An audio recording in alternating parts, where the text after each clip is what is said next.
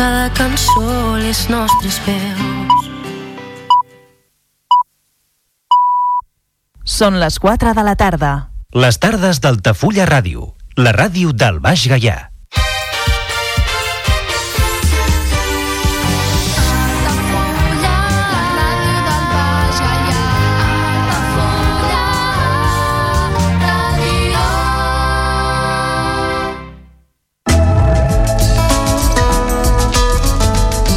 L'agenda a Altafulla Ràdio.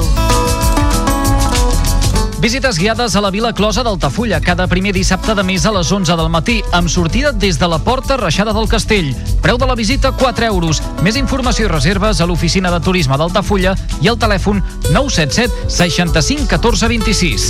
Visites guiades al castell d'Altafulla cada primer dimarts i últim dissabte de mes de 10 del matí a 1 del migdia. Més informació i reserves a l'oficina de turisme d'Altafulla i al telèfon 977 65 14 26.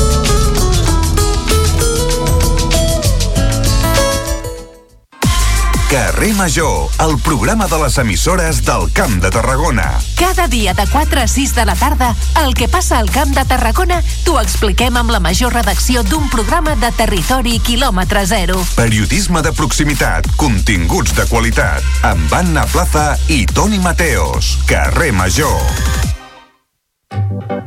Et desitjo que la vida et porti sol.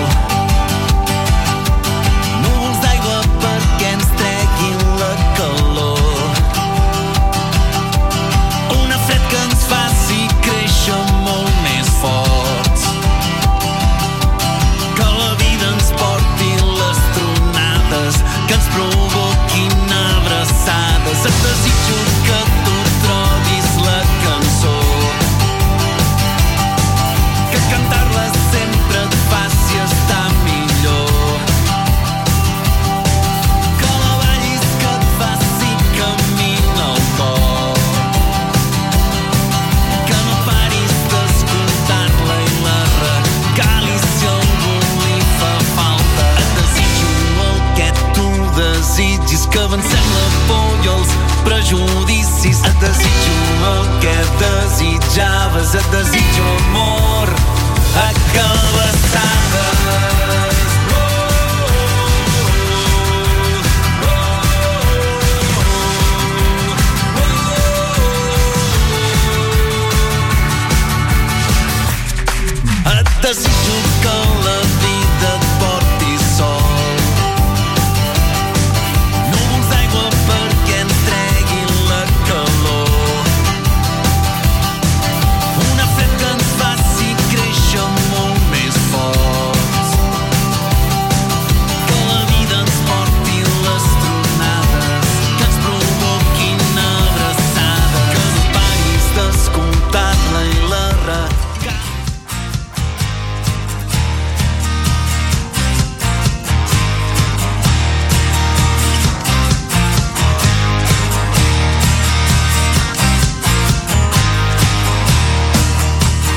Carrer Major, un programa de ràdio Ciutat de Tarragona, Altafulla Ràdio, Ràdio Montblanc, Ràdio La Selva, Ona La Torre, la nova ràdio de Reus, Ràdio Hospitalet de l'Infant i Baix Camp Ràdio en col·laboració amb la xarxa de comunicació local. Hola, bona tarda, benvinguts un dia més a Carrer Major, el programa que fem 8 emissores del Camp de Tarragona amb el suport de la xarxa de comunicació local. Catalunya entrarà en emergència per sequera probablement la setmana que ve. Ho ha avançat el president de la Generalitat, Pere Aragonès, en una entrevista avui mateix a Catalunya Ràdio. Aragonès ha constatat que caldrà estar pendent del consum i de les pluges, tot i que hi ha advertit que les previsions a curt termini no en preveuen. La setmana passada sí que va ploure. I entre els llocs de Catalunya on va ploure més, de fet el lloc de Catalunya on va ploure més va ser Torredembarra, amb una mica més de 40 litres. I xifres semblants sobre els 30 que es van assolir amb d'altres municipis tarragonins. El, el president de la Generalitat avui ha parlat d'aquesta pròxima declaració de la situació d'emergència per sequera, però també ha parlat de qüestions polítiques i ha dit que les eleccions seran quan toquen, és a dir, d'aquí un any, al febrer de l'any vinent. També ho ha dit en aquesta entrevista a Catalunya Ràdio, en la qual ha manifestat la voluntat d'acabar la legislatura, de, compre, de completar-la. I un requisit perquè això eh, es pugui complir és l'aprovació dels pressupostos enguany de la Generalitat. Ell es mostra convençut de que sí es podran aprovar. I recordeu, una de les qüestions que hi ha sobre la taula en relació amb els pressupostos és què passa amb el Hard Rock, perquè no tots els eh, partits que han de donar suport a l'executiu veuen aquest projecte amb bons ulls. Recordem, PSC demana que el Hard Rock tiri endavant, mentre que Comuns i la CUP s'ho miren amb una pinça al nas. I avui també hem sabut que la Fiscalia ha obert diligència sobre la presumpta investigació policial a l'exfiscal superior de Catalunya, Rodríguez Sol. Seria una pota més de l'operació Catalunya sobre el fiscal en cap en aquesta trama eh, político-policial s'apuntava als vincles d'aquest fiscal amb Unió Democràtica i les comissions gestionades pels advocats d'aquest partit. Durant aquest eh, període va tenir desacords amb el govern espanyol. Això és Carrer Major, som les emissores del Camp de Tarragona, us acompanyem tot l'equip que fem possible aquest eh, programa des d'ara i fins les 6 de la tarda. Som Lili Rodríguez, l'Aleix Pérez, en David Fernández, la Gemma Bufies, la Cristina Artacho, l'Adrià Requesens, en Jonai González, l'Antoni Mellados, Antoni Mateos, jo mateixa que sóc l'Anna Plaça, us acompanyo durant aquesta primera hora de programa i el control tècnic, com sempre, en Iago Moreno. Comencem.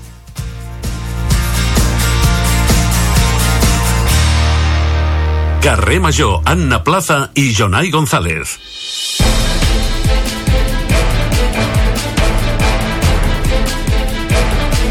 I un cop pen, us hem donat la bona tarda i hem fet una mica de portada del programa, és el moment de repassar les notícies del dia en format breu, en forma de titulars, i ho fem amb en Jonai González. Jonai, bona tarda. Molt bona tarda. En Comú Podem acusa el govern català de desidi a l'hora d'investigar la presència de pèl·lets a les platges de Vilaseca.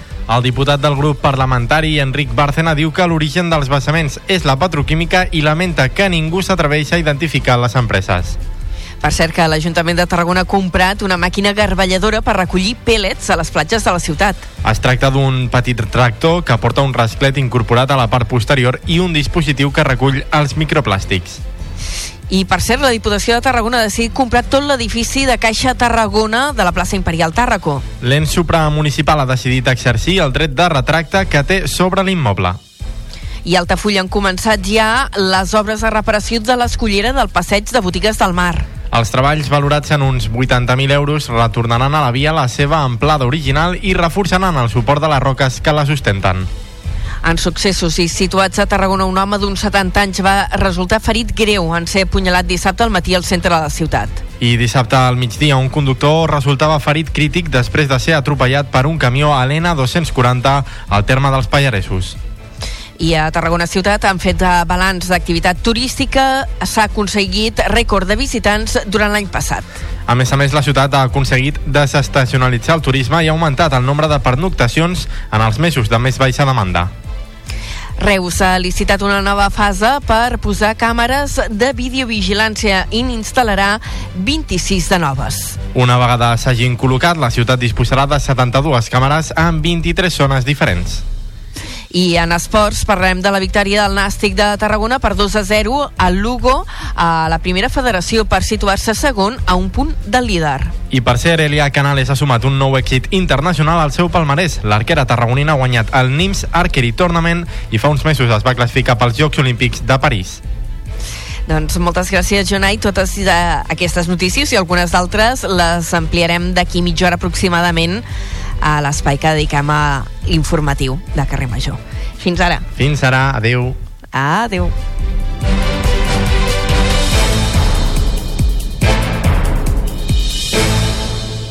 Carrer Major. Toni Mateos.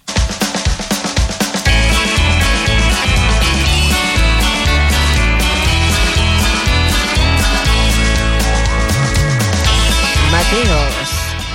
Plaça. Què? Ai, Tot mira, ar ar estic arrossegant-me per la vida, però no sé per què. Estic Ah. fatal. Ah, mm, vitamines. Mm, Vitamines. molt- Vitamines. Vitamines. Vale. Eh, Si tu o, dius...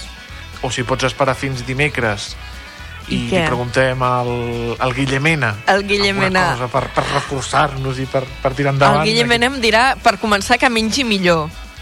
Sempre. Per començar em dirà això. Ja. El Guille, si, en, si un dia ens agafa tots els de carrer Major... A mi em fotria una repassada. Diria, a veure, a veure, se- seieu, seieu, què mengeu? Què mengeu? això, Ui, aquest, malament.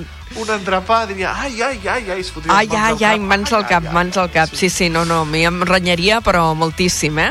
Moltíssim. segurs. A tots, a tots, a tots, a tots. Però, bueno, és la vida del periodista, és la, la que hem escollit o ens han fet escollir. Eh, Sí, mira, la... sí, no t'ho deien això, no? De que no tindries temps de cuinar i que dinaries de qualsevol manera i... Bueno, Això és igual, no deien, és igual. eh? Això no t'ho deien. No, no. Ai, Toni Mateos, què has fet el cap de setmana? Jo vaig anar a veure cavalls. Ah, a Vilaseca, molt bé, molt Home, i tant. bé. Fantàstic. Sí, jo sí, anar sempre- A... Digues, Cada any faig la conya de que m'he de comprar una pamela per anar a veure les curses de, de cavalls del cos de Sant Antoni, del cos, amb accent tancat, cos de Sant Antoni. Com si fos allò el, el, la, el, el derbi de Ascot, no? Sí, sí, sí, com si anéssim a Ascot. A Vilaseca hi ha un dia a l'any, que, que, que és el diumenge que cau més a prop de la festa major, més a prop de 17 de gener, que ens tornem tots bojos i anem a veure cursos de cavalls com si s'acabés el món i ja està. Ah, I tot, trobes tot el poble. Pot trobes tot el poble i, i com dius tu, com si fóssiu a Ascot, perquè també hi ha cavalls I tant. de pura raça anglesos. Home, i tant. Pura sang anglesos, o sigui que, bueno, mira... Sí, molt bé, sí. molt, molt interessant. I jo cap de setmana normalet, eh, tranquil, tranquil. Per Sí? motet diumenge, amb uns amics i ja està. Molt, molt, molt tranquil. És, és un bon plan, és un bon plan. És un bon plan, sempre, sempre. Doncs mira, Ai. el plan d'avui... Avui, el plan d'avui, vinga, va. Mira, mira que t'agradarà. Parlarem Ai. amb un actor italià que es diu Paolo Ah. Girelli, que té la seva àvia que era de Riudoms Què dius ara? i vol conèixer a la seva família riudomenca. Ah, molt Ah. bé. Mira, doncs parlarem amb el Paolo. ja no et diré com l'has localitzat aquest senyor, perquè... bueno, està mal, eh? Bueno, ja, ja, ens, ja, ens, ja ho descobriràs a partir de les 5 de la tarda. Molt bé, doncs... Uh, desco... M'encanta. Què més? El Damià, el Damià Morós, el nostre historiador de l'art, avui ens parlarà de calçotades. Què dius tu? Com lligarem calçotades amb història de l'art? I estic buscant, i calla, que Salvador Dalí era un gran fan dels calçots. Ah, sí? I va venir Sí, a Valls però més d'un cop. quin Dalí? El de veritat o el Dalí de Valls? No, el Dalí de veritat, que va venir a Valls i després suposo que va ser el senyor de Valls que diu que és el Dalí. Bueno, molt, molt entretingut. Més cosetes. Mateos i Mellado, és a dir, els Tonis, parlarem avui de Valenciaga, de Cristóbal Valenciaga. Ah, molt bé. El dissenyador, el gran mestre eh, del, de, de la costura. Molt de glamour.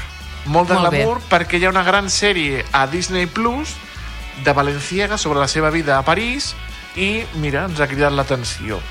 Banda sonora del Camp de Tarragona amb el David Fernández i la Cristina Artacho, que avui se'n va a l'escola, a l'escola Estela, amb la seva furgoneta.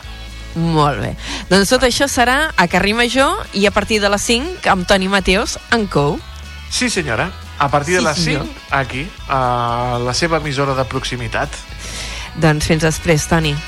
Fins després, Anna, una abraçada. Adéu. Cada tarda de dilluns a divendres fem parada a Carrer Major.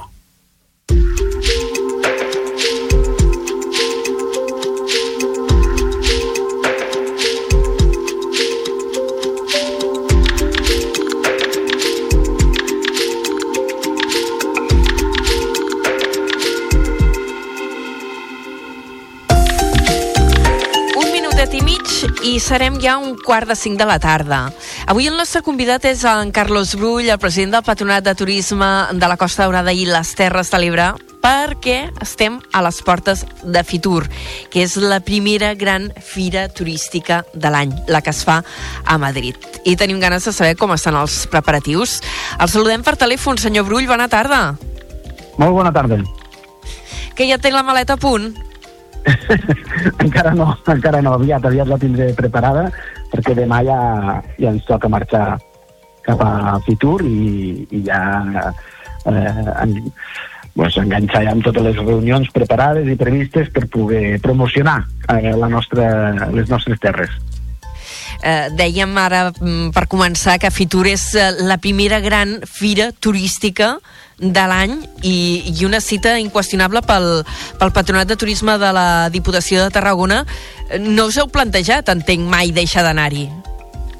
No, hi ha una sèrie d'esdeveniments com aquesta fira, la de Fitur, que, que és, eh, bueno, diríem que és imprescindible ser-hi, mm, mentre hi ets eh, t'hi veuen, no? I llavors eh, aquesta i altres són d'aquelles eh, dates que hem d'estar-hi, hem d'estar-hi perquè per fer presència, per tindre presència i per sobretot per promocionar a nivell turístic el que és la Costa Dorada i les Terres de l'Ebre i, i preparar un bon 24, un 2024 si podem doncs, eh, tancar i anar lligant encara més, més accions per a, per això, no? per a donar a conèixer aquest territori tan fantàstic i tan meravellós que tenim i tan divers i poder oferir aquestes experiències turístiques que creiem que, que poden doncs, eh, doncs això, fer créixer encara més en dades i en fidelització a diferents mercats. Llavors hi ha fires, I... hi ha fires molt, molt grans o fires molt potents com aquesta de Fitur, que bàsicament és, és important ser-hi i, i tindre eh, això, no? tindre, tindre doncs, aquest producte turístic i tindre per oferir a diferents agències i diferents eh, operadors, aerolínies, doncs per poder això, treballar durant aquest 2024 i sereu en format de conveni corner, com en anys anteriors, aquell acord en què participa la Diputació de Tarragona, però també molts municipis de, del territori sí, i algunes empreses, sí. eh, les federacions hoteleres, el Port Aventura... Tu, eh, es, es reedita el conveni corner? Sí, es redita el conveni Corner, en el qual hi participen, doncs això, no? Calafell, Cambrils, Cunit, el Vendrell, l'Hospitalet de l'Infant, Montroig, entre d'altres, no? I com molt bé has dit també, doncs, aquestes associacions, doncs, la Federació Empresarial d'Hostaleria, Priorat en Turisme, Associació de Càmpings, mm, tota una sèrie d'empreses que també, sí, sí, el conveni Corner també hi serem, i serem presents amb la format de conveni Corner. I això vol dir que estareu tots junts en un mateix espai. Descriu'ns una miqueta què és, què és el que s'ha muntat en guany, eh, com serà l'espai reservat al, al nostre territori en aquesta Fira Internacional de Turisme de Madrid. No, és, és un espai semblant al de l'any passat. Eh, penso que això són doncs, contractes que es fan també amb l'agència de turisme i són bianuals, llavors és un espai molt semblant al de l'any passat, és un espai en el qual doncs, es podrà tindre sobretot el back office, no? que és on doncs, poder doncs, tindre aquestes reunions i aquestes eh, trobades amb operadors, amb agències, per poder doncs, tancar coses tant als propis municipis o pobles que formen part del conveni com, com a associacions i llavors uns petits mostradors que hi ha al davant, juntament amb unes pantalles on es poden fer presentacions de, de, o la pantalla que es poden fer doncs, alguna presentació no? la, de, la, de la ciutat de les ciutats eh, que, que, que, que s'hi demanin quan vam mirar allò de, de poder lligar aquesta entrevista estàvem amb el dubte de si fer-la abans de que marxéssiu o intentar inta fer-la in situ mentre estàveu a Madrid eh, però vam -huh. arribar a la conclusió que millor fer-la abans perquè clar, després teniu aquesta agenda de contactes de, de la qual ara sí. vostè ens estava parlant què, què ens pot avançar? Quines reunions teniu programades o quantes o què, què podem, si és que es pot bueno, avançar alguna cosa? Tots són reunions amb turoperadors, amb agències de viatges, amb companyies aèries i i també en mitjans de comunicació especialitzats i per poder això, eh, per poder tancar acords de promoció turística de la Costa Dorada i de les Terres de l'Ebre per aquest 2024 i són, doncs, bueno, són, són molts aspectes que ja es van treballant des del patronat i també els diferents patronats de les diferents ciutats que també formen part del conveni Corner o diferents ajuntaments o diferents empreses que ja van doncs, també eh, preparant i a Fitur aprofiten per fer aquestes reunions i nosaltres igual, no? amb el patronat de turisme doncs el mateix aprofitem aquest esdeveniment per poder tindre aquestes reunions presencials amb totes aquestes eh, companyies de turoperadors i d'agències de viatges, etc. i arribar a tancar doncs, eh, els acords que ens permetran doncs, tindre un 2024 eh, genial, no? I a la millor doncs, sempre surten coses, eh? Vull dir, quan vas a unes fires sempre acabes tenint doncs, més novetats o acabes tenint que tampoc les tens programades i per això també és, és, és, és molt bo eh, ser-hi i ser-hi present, no? Perquè si no hi ha aquestes, aquestes coses eh, doncs no, no acaben passant i llavors la presència allí és, és, és imprescindible. eh, la realitat turística eh, del nostre territori és molt diversa, perquè a Camp de Tarragona i Terres de l'Ebre tenim des de destinacions com Salou, que és el macroturisme per antonomàsia, per dir-ho d'alguna manera, a destinacions com podria ser el seu municipi, perquè diguem on Carles Brull també, a banda de ser president del Patronat de Turisme de la Costa Daurada i les Terres de l'Ebre, és l'alcalde de Falset. Estem parlant de realitats molt diferents. Com es ven això a l'exterior? Bueno, són realitats mm, molt diferents. Ja, ja tenim, per exemple, la realitat de Costa Daurada i Terres de l'Ebre, no? Són, que ja són eh, això, realitats diferents i a més es comporten també amb dades diferents, eh? Vull dir, a Costa Daurada, eh, Daurada s'ha apropat s'ha apropat a les xifres del 2019 respecte al 22 ha augmentat, però eh, respecte al 19 doncs encara no ha arribat no, amb aquelles xifres, i en canvi Terres de l'Ebre el seu creixement ha sigut eh, més gran que el 2019, no? que, que, que el 2019 ho considerem perquè era prepandèmia, abans de la pandèmia, i, i s'agafen aquestes dades. Llavors, clar, la diversitat aquesta del territori eh, jo la veig com un potencial increïble a l'hora de poder de, preparar aquestes experiències turístiques que faran que, que, que, que sigui una zona singular i una zona molt atractiva, no? Tenim la Costa Dorada, tenim Daurada, tenim el Sol i la Platja, que et coneixem, però que també són municipis que s'estan ficant molt, molt... s'estan cuidant molt. Salou eh, és un municipi que sabem que és una de les segones o tercera ciutat més important a nivell turístic, a nivell de recaptació de taxa turística, i, però també és un po una ciutat, un poble que treballa per, per, per tindre un, un, un espai, un poble, una ciutat amable, maca, agradable pel visitant i per la gent que hi viu també, no? I respecte a l'interior també, tots els que estem vivint més a l'interior, tots els que, doncs, com el nostre poble, el municipi de Falset, també hi treballem amb que sigui un municipi mm, bonic, agradable, eh, net, eh, que hi hagi, doncs, això, no? que hi hagi un, un, que la gent que hi vivim ens estimem també el turisme i que el turisme quan vingui al nostre poble també doncs, tingui ganes de visitar-lo i tingui ganes de, de tornar-hi. O sigui, per això una de les actuacions que en aquest mandat que estic jo com a president eh, una de les actuacions destacades que vull i que ja hem començat a treballar és eh, és aquest impuls d'un pla conjunt de promoció de l'interior de la Costa Daurada i de les Terres de l'Ebre. No? Aquest espai ens ha de, aquesta diversitat que tu mencionaves molt bé, doncs és, eh, hem de crear un espai on poder doncs, permetre aquesta interrelació i aquesta col·laboració de tot el territori, tant de l'interior com del que pròpiament podríem dir com a litoral. Eh, i, I llavors incrementar, eh? incrementar, buscar l'objectiu d'incrementar el posicionament i sumar competitivitat a, a, amb, les, amb el conjunt de les destinacions. Què vull dir? Doncs vull dir que hem de treballar més junts, que hem de tindre una correlació interior i litoral, perquè abans l'interior no teníem, fa 30 anys o 25 anys no hi havia una experiència turística pròpiament o, o coneguda, no? En el cas del Falset o Priorat, com tu has, esmenta, has mencionat, tenim un producte que és conegut arreu del món, que és el vi, amb això ens visita molta gent i això pot fer que també aquesta gent visiti altres llocs del territori de la Costa la, o de les Terres de l'Ebre.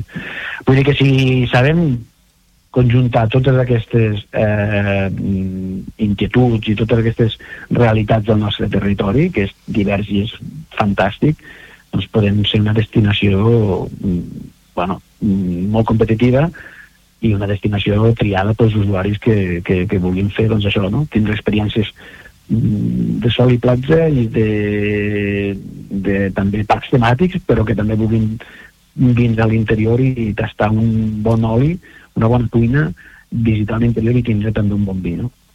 Uh -huh. uh, aquesta voluntat de fer també una estratègia uh, turística més específica per a aquesta realitat de l'interior eh, ja la vau manifestar ara fa unes setmanes quan presentàveu les dades del, del 2023, les dades sí. turístiques del 2023. Com es concretarà, però? Per, per posar algun exemple, teniu previst de constituir alguna taula de treball o mm, com, com s'articularà? Perquè ja ho Mira, ara... apuntàveu així en general, però per concretar una mica. Sí, ara ja hem començat a, a treballar, a fer aquest eh, treball de camp, mm, amb una doncs, consultoria que ens pugui, doncs, eh, que pugui parlar amb tots els agents implicats, que són doncs, patronats o ajuntaments, consells comarcals, empreses del sector de l'interior, per veure de quina manera mm, quines mancances, quines eh, realitats hi ha i quina seria la, la, la cogovernança d'aquest espai. No? L'espai seria un espai una mica com el que és el pla conjunt, mm, que tenim ja des de fa temps amb, amb Costa Daurada, a Salou, en Vilaseca, Cambrils i la FED, juntament amb la Diputació de Tarragona, evidentment, i això és un espai on allí es, de, es defineixen una, un calendari d'actuacions mm, a, per a promocionar mm, per a promocionar doncs, aquestes destinacions. No? Doncs això seria el mateix. Una mica seria buscar aquesta, eh, aquesta semblança del pla conjunt que està inspirat, eh? La, la, el pla conjunt de l'interior està inspirat amb... Jo quan vaig conèixer el pla conjunt aquest de la Costa Daurada, eh, que us he mencionat, doncs, eh, ràpidament vaig veure que això ens feia falta a l'interior, per poder doncs, eh, tindre tot l'interior unit i amb una taula sentats per poder doncs, això, de, definir actuacions que millorin les experiències turístiques, que promocionin la, la, la, la zona turística eh, i que doncs, hi hagi aquesta relació també amb, amb, amb, la, amb el litoral. No? Llavors això mm -hmm. que ens pot ajudar i la governança de, la, de, de com funcionarà i de qui participarà és el que estem fent ara ja, que ja s'ha començat a, a, a treballar en aquest tema per poder el més aviat possible engegar-ho i donar-li ja el tret de sortida. Uh, no sé si amb aquest uh, sector, diguéssim, més d'interior tindreu la voluntat d'anar a les mateixes fires um, que es va amb el conveni Corner o precisament aquesta, um, aquesta especificitat us permetrà anar a buscar segments molt més específics de, de públic. Sí, exacte. Eh, penseu que, quan es treballa amb, amb conjunt i s'analitzen les diferents realitats i sensibilitats que hi ha, doncs surten diferents eh, oportunitats també. Llavors amb això mm, es veurà doncs, eh, exacte, altres posicionaments o altres fires o altres esdeveniments turístics que eh, com a interior potser haurem de començar a explorar, no? I això surt d'aquí, eh? de, la, de, la, de la taula de, o, o promocions que puguin haver-hi eh, amb, altres, eh, amb altres doncs, eh, amb altres països o amb altres eh, regions similars eh, i per poder doncs, això, fer aquesta, aquesta promoció de la mm, costa daurada interior eh, i poder doncs, eh, atraure més turisme. Això, per exemple, doncs, amb el pla conjunt de la Costa Daurada que t'he mencionat abans, doncs, hi ha diferents eh, com diria, doncs, diferents patrocinis a altres eh, patrocinis amb equips esportius, com, com poden ser eh, el, el, penso que era el, el, el, el Lyon, el, un era el Lyon i l'altre era el Manchester City, però del femení. Sí. Eh, llavors doncs, aquests patrocinis també surten de la pròpia taula, no? Vull dir, són, en aquella taula doncs, es creu convenient fer aquests patrocinis perquè doncs, es, cal, doncs, es considera que una, doncs, hi, ha, hi, ha, hi ha un retorn, hi ha un retorn de, de, de, de turisme, hi ha un retorn de marca, hi ha un retorn de, de, de posicionament, de destí i de fidelització, doncs, bueno, doncs, llavors eh, eh, aquí a la taula d'interior també es consideraran doncs, totes les oportunitats que puguin vindre que vindran del propi sector, que és el bonic, no? És el propi sector, els propis els representants del territori de la comarca eh, i la Diputació doncs, eh, tindran aquest espai per, mm, per, doncs, això, no? per planificar que és el més important, poder planificar una sèrie d'actuacions que promocionin el destí. Uh, ara ha parlat de taules de treball, uh, n'hi ha una que és la taula estratègica de l'aeroport de Reus, en la qual també participeu des del Patronat de Turisme de la Diputació. Ara no fa gaires dies també es feien públiques les dades d'activitat uh, de l'aeroport de Reus, que ha tornat a superar el milió de passatgers, una xifra eh, que no es veia eh, des d'abans de la pandèmia. En quina línia s'està treballant ara pel que fa a l'aeroport de Reus? Bueno, molt animats, eh, molt animats, amb, amb, sí, amb ganes de, de, de superar aquestes eh, xifres i d'anar a l'1,1 milió o a l'1,2 i és per això que també aquí a Fitur tenim, tenim reunions també amb, amb diferents companyies aèries per poder doncs, això, eh, millorar també aquestes l'oferta de rutes i, i, i poder superar el millor 45.000 eh, passatgers que van tindre el, 20, el 2023, que hem d'estar molt contents perquè se supera lleugera, bueno, se supera lleugerament no, els passatgers del, del 2019 i, i van incrementar respecte al 22 s'ha incrementat doncs, ja també un, penso que era un 15% o un 14%, un 14% i llavors amb això, doncs, bueno, com que sabem que tot és fruit d'aquesta taula que mencionaves, no? de la taula estratègica de, de l'aeroport, que liderem des d'aquest patronat, doncs, doncs estem contents i estem contents de continuar treballant mm, per, a, per a poder doncs, a, fer més atractiu. Tenim un aeroport que és un aeroport que és fantàstic, jo sempre ho dic, eh, és un aeroport eh, amable perquè és senzill, és ampli, eh, tens facilitat d'aparcar. Tenim problemes amb la comunicació i això és el que hem de solucionar.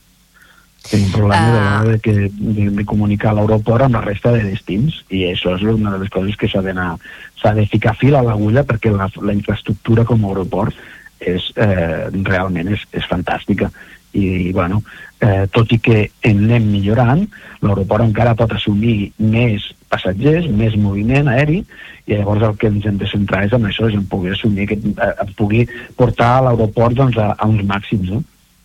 Mm. Uh, I aquí també hem de treballar de... tots junts, eh? Aquí hem de treballar tots junts, el Departament, l'Estat, eh, la Generalitat, la Diputació i les ciutats més, més implicades amb, amb la taula de l'aeroport. Mm. Ara podríem obrir un altre meló que és el de la gestió de l'aeroport. Eh, mm, si ha de seguir depenent de Madrid o, o perquè també hi ha qui demana no, que aquests aeroports més, més petits puguin ser gestionats des del territori. Eh, sí. però se'ns esgota el temps perquè els dilluns els tenim molt apretats de continguts. Ho haurem de deixar aquí. Eh, que vagi molt bé Fitur i amb totes les altres cites que tindreu al llarg de l'any, eh, que no sé si incorporeu alguna fira nova eh, de les que va el Patronat de Turisme a la Costa Daurada de les Terres de l'Ebre, o més o menys repet, repetireu respecte a sí. anys anteriors? Sí, Hi ha alguna cosa nova? Anys... Sí, no, repetirem respecte als anys anteriors, anirem repetint totes i us podem anar informant si hi ha coses noves, si hi ha novetats noves, ens feu un, un truc i us eh, tindrem encantats per anar informant de tot el que pugui sortir arrel d'aquestes noves fires o arrel del de, pla conjunt d'interior o arrel d'altres eh, iniciatives que estem duent a terme i que durem a terme durant aquest 24 amb aquest pla d'actuacions del 2024 que, que també porta novetats a nivell esportius, porta a nivell, a novetats a nivell de sostenibilitat i porta novetats a nivell de destinacions de turisme intel·ligent. Però si voleu un dia amb més temps en podem parlar. Sí, doncs ens ho apuntem per quan torneu de Fitur i un altre dia parlem amb més calma i a veure si ho podem fer presencialment, que ens puguem veure les cares i, i, i entrem en més detall. Senyor Brull, moltíssimes gràcies, que vagi molt bé el viatge a Madrid. Moltes gràcies a vosaltres. Fins ara, adeu-siau.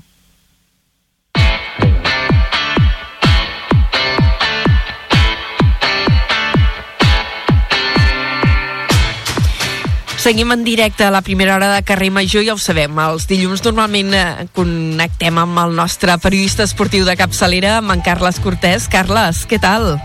Hola, com estàs, Anna? Com ho veus, com diu el, el títol del teu programa? Com... doncs ve, veig que tenim temps per tot, perquè encara queden molts campionats per jugar, per de tots els esports, de futbol, d'hoquei, de bàsquet, de voleibol, de tot. Per tant, ho veig de moment d'una manera tranquil·la perquè els objectius encara estan a temps. Encara estan a temps. El Nàstic, eh, la setmana passada dèiem, ha començat una nova ratxa de victòries. La manté, no? No, no, la manté i, i acaba d'aconseguir la millor ratxa de victòries d'aquesta temporada. Eren quatre fins al moment. Just al tram inicial del campionat de Lliga va aconseguir quatre victòries consecutives, doncs guanyant el Lugo 2 a 0 al nou estadi amb gol de Marc Fernández i de Trigueros, suma 5 victòries consecutives. O sigui, ha guanyat els últims 5 partits 15 punts en joc, els ha guanyat tots. I això fa que l'equip de Dani Vidal sigui segon ara mateix a la classificació, segon a només un punt del líder, que és la Ponferradina. Per tant, està en un moment extraordinari el Nàstic i el que ha de fer és intentar allargar el màxim possible aquesta ratxa de victòries, perquè tot el que guanyi ara l'equip farà que la recta final del campionat de Lliga, si vol jugar la promoció d'ascens com a mínim, no vagi tant al límit, eh, pugui anar fins i tot una miqueta més tranquil. De moment, molt bé aquest nàstic en aquesta ratxa. Recorda, Anna, que això el nàstic és una miqueta Dr. Jekyll i Mr. Hyde. Sí, no, no, és que ara t'ho anava a dir, no? Vam tenir sí, aquella temporada mitja tardor, no?, que, que, sí. que la gent es començava a tirar dels pèls Sí, sí, però va començar molt bé, després 11 jornades sense guanyar, i ara totes aquestes consecutives guanyant. O sigui que és, és, és un nàstic de dues cares, tot i que pel que fa a la proposta futbolística no l'ha canviat molt. El que va canviar és que els resultats no acompanyen. També pot ser determinant eh, pels equips amb qui s'ha anat enfrontant o mm, no té res a veure? No, perquè ara t'utilitzaré una cosa que diràs, com dius? El calendari és asimètric. Això vol dir que tu l'ordre de partits de la primera volta no el tens igual a l'ordre de partits de la segona volta. O sigui, que els millors potser te'ls trobes al principi i després te'ls tornes a trobar al final de tot, però no quan tocaria si el calendari fos simètric, i per tant és indiferent en aquesta categoria el rival que tens al davant. Tot és complicat, tot és difícil, i la veritat és que no depèn tant del rival com del teu encert o la teva capacitat per no encaixar gols i per marcar-lo. Doncs comencem destacant aquesta felicitat que es viu a Can Nàstic, aquesta Pax Romana que tenen des de fa unes quantes setmanes, que la disfrutin mentre els hi duri. Uh, escolta, els altres uh, equips de, destacats del territori que juguen a tercera federació, uh, com els hi ha anat el cap de setmana? Doncs mira, dèiem la setmana passada que necessitàvem que el Reus i la Pobla tornessin a guanyar, ho han aconseguit aquest cap de setmana i la que ha punxat és la Rapitenca. El Reus va guanyar fora de casa, al camp del Girona B, partit important, victòria molt important, perquè el Reus del Marc Carrasco torna a estar en zona de promoció d'ascens, a segona federació. Victòria important de la Pobla d'Adolfo Baines també, perquè s'allunya de la part baixa de la classificació, va guanyar 3 a 0 al líder, a l'Hospitalet, el líder de la categoria, i la Rapitenca va perdre 3 a 2 al camp de l'escala i continua en zona de descens. Per tant, tant Reus com Pobla es resitua novament on estem acostumats a veure'l, en aquest eh, primer tram de temporada, mentre que la Rapitenca també amb la derrota lamentablement es consolida en una zona que no el volem veure. Mm. Uh, bàsquet no n'hi ha hagut aquest uh, cap de setmana, no? Almenys uh, bàsquet a l'Alep Plata, Salou i Vall... Ai, Salou i Valls. Salou i CBT han descansat. Correcte, perquè s'ha jugat la Copa, aquest cap de setmana no hi participava cap dels dos equips, per tant han descansat aquest cap de setmana, però atenció, apunta, Anna, agenda. A agenda, apunto. Ah, hi havia un derbi, no?, si no recordo. Correcte, ah, correcte. Digues, Anna. digues. Molt bé. Diumenge a la tarda, en principi horari 3 quarts de 8 del vespre, diumenge, Salou Club Basquet Tarragona. El gran derbi del basquetbol de la demarcació actualment. Uh, partit que es jugarà a Salou. Sí. Saps si TAC12 el farà? Sí, correcte, el farà molt en bé. directe, o sigui que es podrà veure en directe per TAC 12. Salou, a priori favorit, perquè porta 10 victòries. Club Basquet Tarragona, doncs ha donat la sorpresa, a priori, perquè en porta 5. Però diumenge, partides de bàsquet a Salou. Molt important a l'agenda. Um, el CBT els últims partits no li havien anat tan malament. Mm, creus que té possibilitats o ho té sí. fotut? No, no, té possibilitats, eh? També té possibilitats de poder guanyar la pista al Salou. Últimament amb Ricardo Serna ha agafat una mica més d'aire després de la destitució de Noé Monroy, que havia estat l'entrenador al principi de Lliga, però, però clar, també t'he de dir que el Salou està molt bé en aquest inici de temporada, i per tant, eh, pot guanyar el Club Basquet Tarragona? Sí. Qui és favorit? El Salou. Salou. Això és indiscutible. Escolta'm, i el Valls, que portava Ai. una molt bona ratxa, uh, Sí. el Valls de la Lliga EVA, uh, aquest cap de setmana han sopegat. Sí, a la pista del CC, i a més és una derrota, si se'm permet dir-ho així, una mica dolorosa. Fa Eh, pupa. van perdre eh, 89-82, van perdre 7, això no és dolorós. Però el que és dolorós és que aquesta derrota fa que t'allunyis del segon i del primer. Ja. Per jugar a la fase d'ascens has de quedar entre els dos primers. I per tant, una ensopegada amb victòria dels rivals fa que se t'escapin el segon a dues victòries i el primer a tres victòries, quan ja portem 15 jornades de Lliga. Per tant, ostres, o, o el Valls ho guanya tot el que queda i, i ensopeguen un o l'altre, la Bisbal d'Empordà o Mollet, o jo crec que serà molt difícil poder accedir a aquests dos primers llocs de la classificació. És una llàstima, eh? Perquè està fent una molt bona temporada l'equip de Víctor la fixa 11 victòries, 4 derrotes, però ni així li serveix per, per posar-se en el primer o en el segon lloc de la classificació. Eh, perquè si ells porten tantes victòries, vull dir, els altres que estan en fase imbatible. Clar, mira, només, o sigui, l'equip de la Bisbal d'Empordà, 14 victòries, una derrota, només una. I el Mollet, 13 victòries, dues derrotes. Per tant, clar, ca- cada vegada que tu perds, si el teu rival guanya, encara es distancia una mica més. Ja. No, és que no és que hagis de ser bo, és que has de ser infal·lible, eh, pel que veig. Correcte. Sí, sí, sí, sí, en aquesta categoria sí, perquè està en un plan la Bisbal d'Empordà, aquest equip de la Bisbal, que, que vaja, sembla gairebé imbatible, gairebé imbatible. Sí que és veritat que tu tindràs dos duels directes, has de jugar contra ells, i si els guanyes t'apropes. Però és que, clar, no, no serà fàcil. Doncs ensopegada pel Valls aquest cap de setmana. Escolta, i abans de passar l'hoquei, fem un apunt del volei, perquè el Sí. volei Sant Pere i Sant Pau també han sopegat. Sí, noticiable. Primera derrota de la temporada. Arribat a la jornada 12 de la Lliga i arribat contra el segon classificat i a la seva pista, la pista del segon, a, a la pista de l'Ibissa. 3 a 0, derrota clara i contundent. Recorda, Anna, que el vòlei Sant Pere i Sant Pau venia de, de no fer un bon paper a la Copa Príncipe perquè va perdre els dos partits i no va poder ni accedir a semifinal i em preguntaves, i això que no és que podrà afectar la Lliga? Jo Sí. pensava que no. I mira, de moment ha afectat en el sentit que la represa de la Lliga ha perdut el Sant Pau. Tot i això, continua el líder en solitari, eh? O sigui, fixa't, si anava a sobrar, que li guanya el segon al partit i continua líder en solitari. Però anava a dir, de, sensació de que s'han desinflat una mica després d'aquest pas per la Copa Príncipe o pot haver sigut una derrota circumstancial? Jo a veure, de tant en tant no. tothom sí, perd, no? perdre. Sí, sí, sí, vull dir, quan guanyes molts partits estàs molt a prop de perdre. Quan perds molts partits estàs molt a prop de guanyar. Ara li ha tocat al Sant Sant Pau en aquesta fase de la temporada, però vaja, no crec que hagi d'haver-hi cap mena de problema en, en el que resta de Lliga i el Voler Sant Sant Pau jugarà a la fase d'ascens. De fet, la Copa li va servir com d'assaig pel que es trobarà a la fase d'ascens que esperem que es jugui. Ja, perquè es trobarà amb equips d'altres... Eh, Zones de l'estat, sí. d'altres segments, no?, que, Sí. que amb, amb els quals normalment no s'enfronten, entenc, Correcte. i que llavors... Eh, perquè hi ha una divisió territorial, no?, amb, amb Correcte, el sí. vòlei. A la Superliga 2, que és la segona categoria del vòlei estatal, hi ha tres grups jugant competicions per separat. I què fan? Per jugar a fase d'ascens, agafaran els dos primers de cada grup i, i faran una lligueta d'ascens. Per tant, es, es va trobar l'altre dia a la Copa Príncipe possibles rivals de la fase d'ascens.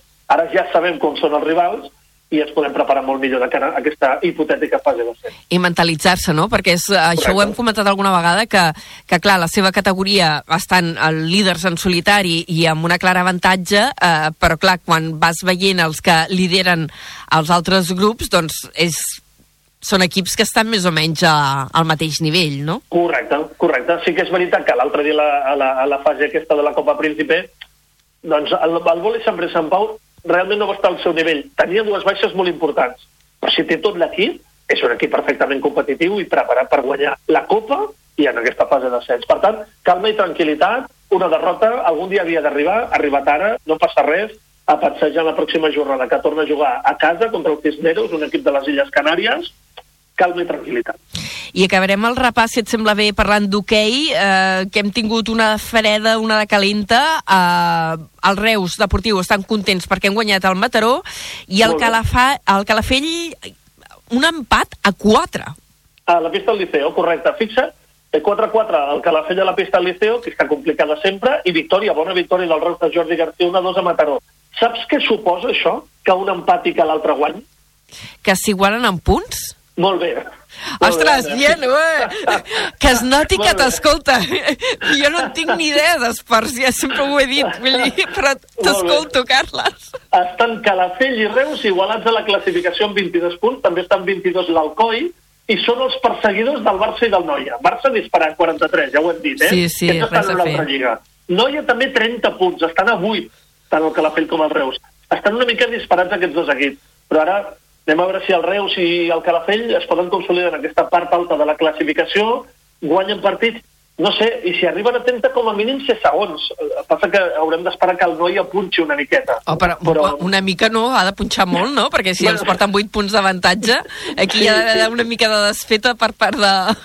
Jo és que vull ser optimista, o sigui, que el Calafell guanyi el seu partit amb el Noia, que el Reus guanyi el seu partit amb el Noia, i llavors això fa que ho tinguis tot molt més a prop. Vull ser optimista. Molt jo vull bé. ser optimista amb, amb els dos equips en, en aquesta Hockey Lliga.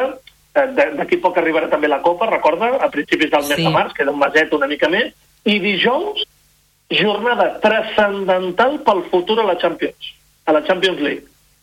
Per què transcendental? Perquè el Reus juga al Palau d'Esports contra el Benfica. Si el Reus vol superar aquesta fase i accedir als quarts de final de la màxima competició europea, ha de guanyar. Si no guanya, queda eliminat. Deuen estar nerviosets, eh? Bueno, o sigui, eh, no sé si nerviosos, però pressió, un punt de pressió hi ha. El Calafell, que té 4 punts, és que el Reus té 0 punts, eh? És que no ja, res. sí, sí, sí, no li havia el anat gaire Calafell en bé. té 4 i pot trampejar una mica. Rep també dijous el, el Joan Ortoll a l'Sporting Club de Portugal. O sigui, els dos equips de casa nostra juguen contra equips portuguesos, sí. reben equips portuguesos. Transcendental pel Reus, caixa o fashion, i, i el Calafell, si guanya, es posa en una posició molt òptima per poder accedir als quarts de final de la Champions. Molt bé. Doncs, uh, Carles, moltes gràcies per haver-nos acompanyat un altre dilluns, uh, fent una mica repassada general per la gent com jo que mm, necessitem que ens instrueixin de l'actualitat esportiva de casa nostra. Amb en Carles uh, Cortés, home de ràdio, home d'esports, l'home d'esports de, de Ràdio Ciutat de Tarragona i també de TAC 12. Moltes gràcies per haver-nos acompanyat avui. Gràcies, eh, fins la setmana vinent. Fins la setmana vinent, que tenim molts resultats interessants. Uh, ara ja ens has fet les prèvies del que ens trobarem aquesta setmana, doncs dilluns que ho explicarem. Uh, efectivament, ho explicarem i esperem que sempre amb bones victòries, tot i que quan juguen entre ells com Salou i Club Bàsquet Tarragona, una de perdre. Una de perdre. Doncs amb aquest derbi superinteressant de bàsquet sobre la taula i moltes altres coses, aquestes cites europees d'hoquei també. Adéu, Carles. Gràcies, Anna. Adéu. Carrer Major, al Camp de Tarragona, des de ben a prop. Tres quarts de cinc de la tarda, endinsem-nos ràpidament en l'anàlisi de l'actualitat. Jonai, bona tarda de nou. Molt bona tarda de nou. Els Mossos d'Esquadra, conjuntament amb la policia francesa, han detingut 13 persones a França, suposadament vinculades amb l'assassinat de dos joves al maig de l'any passat a Salou. El crim estaria relacionat amb la guerra pel control del narcotràfic a Marsella. Membres de l'organització criminal DZ Màfia van matar dos rivals del clan Yoda. Van disparar diversos trets contra ells amb fusells AK-47. Un d'ells va morir a l'acte, mentre que l'altre, hores més tard, va morir a l'hospital. En la seva fugida, els agents van detenir un dels sicaris a l'àrea de servei del Mèdul a l'AP7, el qual va ingressar a presó per ordre del jutjat d'instrucció número 6 de Tarragona i més actuacions eh, policials relacionades amb la droga. Un operatiu conjunt, en aquest cas dels Mossos i la Guàrdia Civil, ha permès desarticular un grup criminal que es dedicava al tràfic d'estupefaïns i també al robatori d'embarcacions a la demarcació de Tarragona. S'han detingut 11 persones i decomissat 250 quilos de xix i, a més, 50.000 paquets de tabac falsificat. L'organització estava establerta en diverses poblacions de la demarcació. La investigació va començar durant el setembre de l'any 2022 i el primer cop rellevant es va produir el maig de l'any passat, quan es va interceptar un transport de droga des d'Almeria fins a Tarragona. L'organització havia establert una ruta d'entrada de droga a les Balears mitjançant vehicles de lloguer que viatjaven en ferris des del port de Barcelona. La investigació va culminar la setmana passada amb set escorcolls simultan- simultanis a Amposta, Cambrils i Reus. Entre els detinguts hi ha la cúpula de l'organització. El jutjat d'instrucció 3 de Reus s'ha fet càrrec del cas i la investigació continua oberta. En Comú Podem acusa el govern català de desidir a l'hora d'investigar la presència de pèl·lets a les platges de Vilaseca. El diputat del grup parlamentari, Enric Bárcena, diu que l'origen dels vessaments és la petroquímica i lamenta que ningú s'atreveixi a identificar concretament les empreses. Bárcena ha denunciat la manca de transparència i de voluntat política per esclarir els vessaments i les causes. De fet, el diputat ha lamentat que fins a aquest gener el Departament d'Acció Climàtica no ha ampliat la investigació a fins a 13 empreses per la contaminació derivada d'aquests plàstics. A banda, els comuns també demanen que reparin els danys causats i s'exigeixi responsabilitats civils als seus responsables per un delicte ecològic. En tot cas, sí que sabem quin és el fons d'origen, que és la petroquímica i algunes indústries, el que sembla que ningú s'atreveix a identificar exactament quines, perquè evidentment així es dissol la responsabilitat que tenen elles del dany creat i sobretot de la reparació. I això són molts diners, però és que no ens podem permetre que es dissolgui la responsabilitat amb, amb la idea de que no se sap qui és. El focus està clar. El diputat en Comú Podem ha visitat aquest dilluns la platja de la Pineda i ha assenyalat que demanaran la compareixença del delegat del govern de Tarragona, Àngel Cifré. I parlant de pèl·lets encara, l'Ajuntament de Tarragona ha comunicat avui que s'ha comprat una màquina garballadora per recollir aquest tipus de microplàstics de les platges. Es tracta d'un petit tractor que porta un rasclet incorporat a la part de darrere i un dispositiu que recull els pèl·lets. La regidora de neteja, Sònia Orts, ha detallat que la neteja de la platja es realitza de manera manual i mecànica, però fins ara no es disposava d'una eina específica per a la retirada de pellets. De fet, la màquina que s'ha adquirit és un dispositiu que es posarà a prova a Tarragona. L'aparell ha costat 16.000 euros provinents d'una subvenció dels fons Next Generation. Seguim parlant de qüestions relacionades amb la costa. Ara anem a Altafulla, on han començat ja els treballs de reparació de l'escollera del passeig de botigues del mar. Els treballs, valorats en uns 80.000 euros, retornaran a la via la seva amplada original i reforçaran el suport de les roques que la sustenten. Ens n'amplia la informació des d'Altafulla Ràdio, la Carol Cubota. Aquest dilluns al matí s'han iniciat les obres per reparar l'escollera que sustenta el passeig d'Altafulla i també la superfície esfondrada del mateix vial.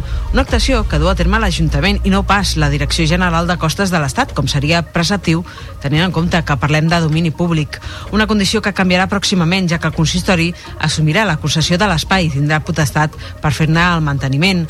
Els treballs que es fan ara s'han d'allargar aproximadament un mes i suposaran retornar al passeig un aspecte similar al que tenia abans dels temporals que el van malmetre. En parla la coalcaldessa Alba Muntades. continuar les tasques que va començar el Ministeri de Costes, que va, va re- recolzar i reparar l'escollera banda i banda del passeig, però no va actuar en la zona que va quedar danyada pels temporals, això és el que fem nosaltres, actuar en aquesta zona, que és una mica més complicat, perquè com us deia, s'ha de jugar amb aquestes pedres que van posar per contenir els danys, Muntades ha explicat que el que cerca amb aquesta actuació és garantir la seguretat de l'espai i que aquest estigui en condicions per l'inici del moviment turístic que es donarà amb més intensitat a partir que arribi el bon temps.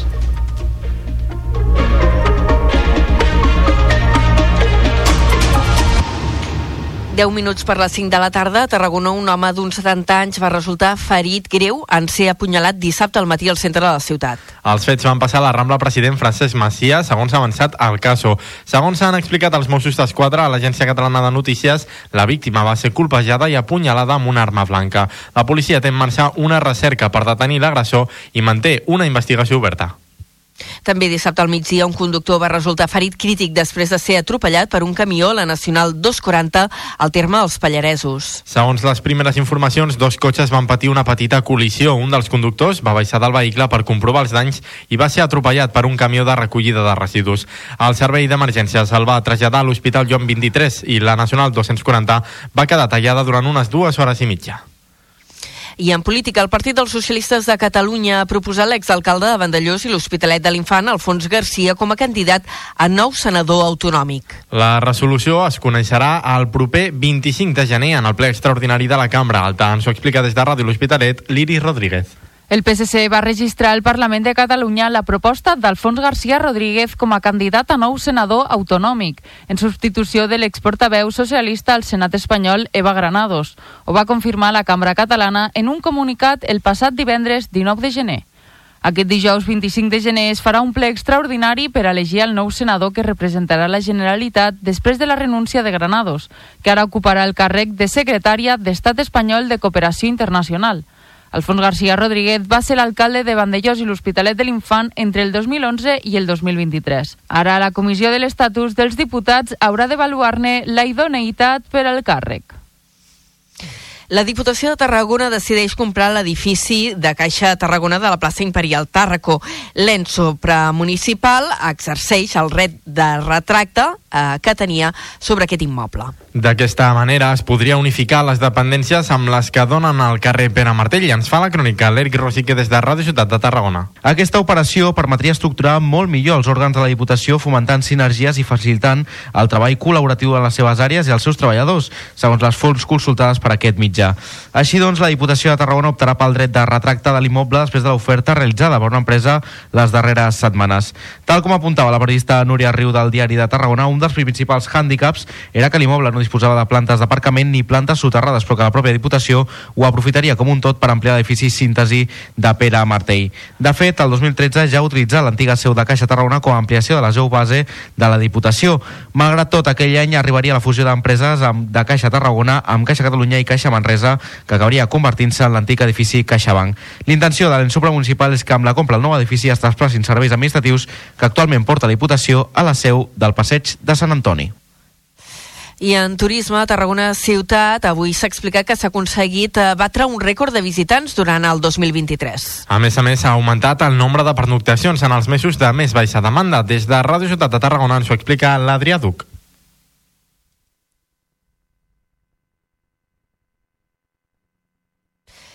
No és possible escoltar la crònica de l'Adrià. Eh, anem amb altres notícies. Reus ha licitat una nova fase per posar videovigilància i instal·lar 26 càmeres noves a la ciutat. Una vegada s'hagin col·locat, la ciutat disposarà de 72 càmeres en 23 zones diferents. Des de la nova ràdio de Reus això explica la Laura Navarro. En total preveuen instal·lar les càmeres en nou espais de la via pública, la majoria al centre de la ciutat, a la plaça Prim, a la Mercadal, a la plaça de la Cultura de la Pau, a la Baluart, a la Patacada, al Parc del Lliscament, la plaça Anton Borrell, la plaça de Sant Pere i el Condesito. D'aquesta manera, Reus tindria un total de 72 càmeres en 23 zones per tota la ciutat. La licitació surt amb un pressupost d'uns 141.500 euros i un termini d'execució de 4 mesos a partir de la data de formalització del contracte. Igualment, també preveu la renovació dels sistemes de videovigilància del Palau Municipal, de la Comissaria Central i de dues comissaries externes de proximitat de la Guàrdia Urbana. A més, el projecte inclou addicionalment la instal·lació de dues pantalles més al videowall de la sala de control de la Guàrdia Urbana per monitoritzar les noves zones de videovigilància. Aquest pla pretén incrementar la sensació de seguretat dels veïns i alhora evitar fets incívics i delictius. I, eh, d'altra banda, l'Ajuntament de Reus ha completat el pla intensiu de neteja de les zones en parcs infantils. Eh, S'està fent un cop cada sis mesos aquesta neteja en profunditat. I eh, tancarem aquest bloc de l'informatiu explicant que la Marató de Donants de Sang ha superat les 9.500 donacions arreu de Catalunya. Els resultats s'han donat a conèixer avui en un acte a la plaça de la Font de Tarragona on s'ha inaugurat un castell de realitat augmentada que s'anirà tenyint de vermell a mesura que arribin noves aportacions fins a la meitat del mes de juny. La marató de donació de sang es va fer entre l'11 i el 19 de gener arreu del país amb la voluntat d'incrementar de manera notable les reserves després de la caiguda que hi ha per les festes de Nadal. Les dades de la marató de donants de sang s'han fet públiques aquest matí a Tarragona amb la presentació d'un pilar casteller virtual dinàmic que, com deien, s'anirà tenyent de vermell a mesura que augmentin les donacions fins al 14 de juny, el Dia Mundial del Donant de Sang. I anem directament a la crònica esportiva per parlar del resultat del Nàstic que ha aconseguit una victòria per 2 a 0 a Lu- a Lugo, la primera federació. Els granes segueixen amb una dinàmica en ascens i se situen en segona posició a només un punt del líder. I també en matèria esportiva, Elia Canales ha sumat un nou èxit internacional al seu palmarès. L'arquera tarragonina ha guanyat el NIMS Archery, Archery Tournament. Canales se situa amb aquest resultat a la vuitena posició del rànquing mundial. La tarragonina va guanyar la número 1 del món, Chardin Schwartz, a la final, que per cert, l'arquera va classificar fa uns mesos al combinat espanyol per als Jocs Olímpics de París 2024 que es disputaran al mes de juliol. Deixem la crònica aquí. Ja només apuntar que Pol Guas, que novel·lista tarraoní, ha publicat nou llibre i segurament en parlarem aviat aquí a Carrer Major. Tanquem la primera hora.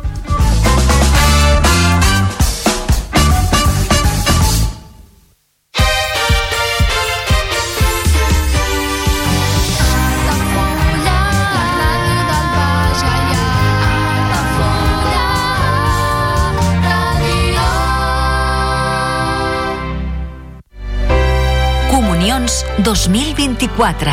Dates ja disponibles amb sales privades, jardí, pàrquing privat i la millor gastronomia. Més informació i reserves al 977 65 11 55 i a comercial arroba altafullamarotel.com o al web altafullamarotel.com. Les teves celebracions familiars a l'Altafulla Mar Hotel.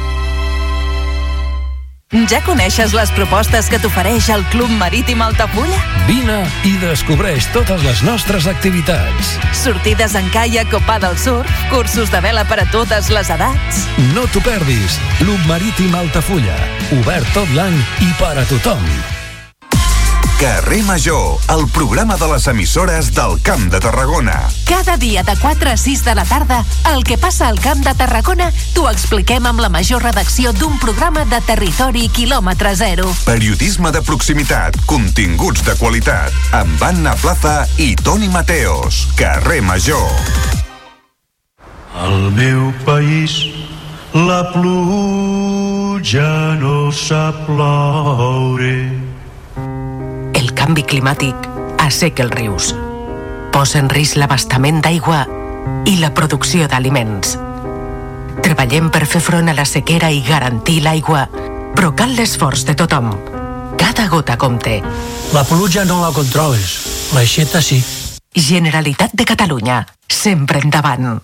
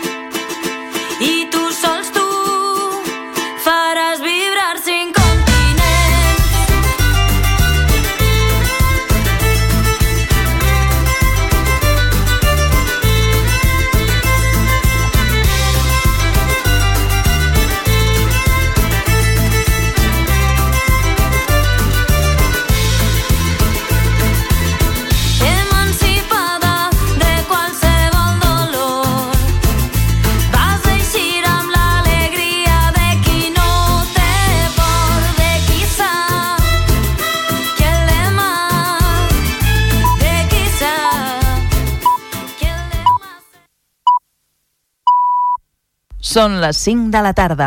Les tardes d'Altafulla Ràdio, la ràdio del Baix Gaià.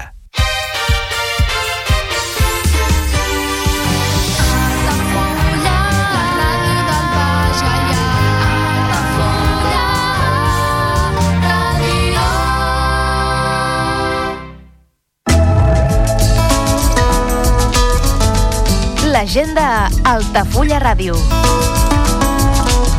Visites guiades a la Vila Closa d'Altafulla cada primer dissabte de mes a les 11 del matí, amb sortida des de la Porta Reixada del Castell.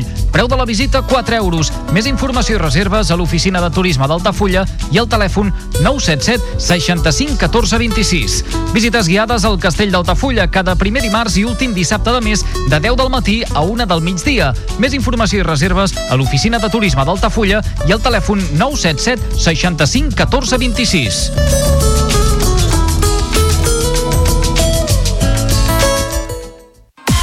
Carrer Major, el programa de les emissores del Camp de Tarragona. Cada dia de 4 a 6 de la tarda, el que passa al Camp de Tarragona t'ho expliquem amb la major redacció d'un programa de territori quilòmetre zero. Periodisme de proximitat, continguts de qualitat, amb Anna Plaza i Toni Mateos. Carrer Major.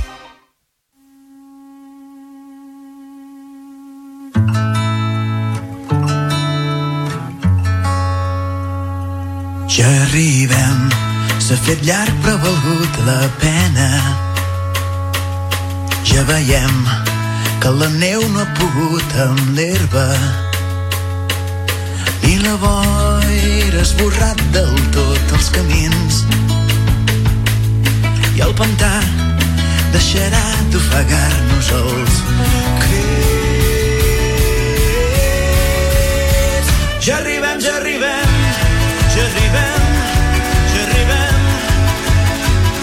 Entre tots som a l'hivern. Per tots que fred i per nosaltres també.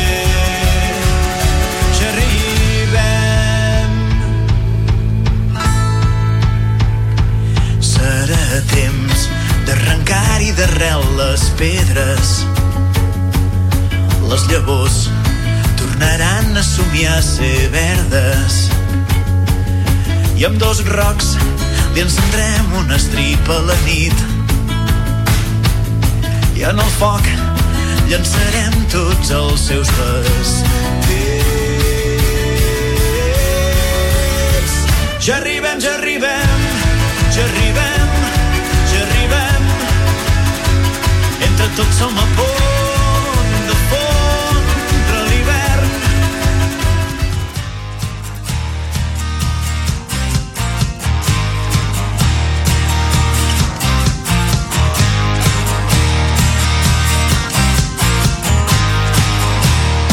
Carrer Major.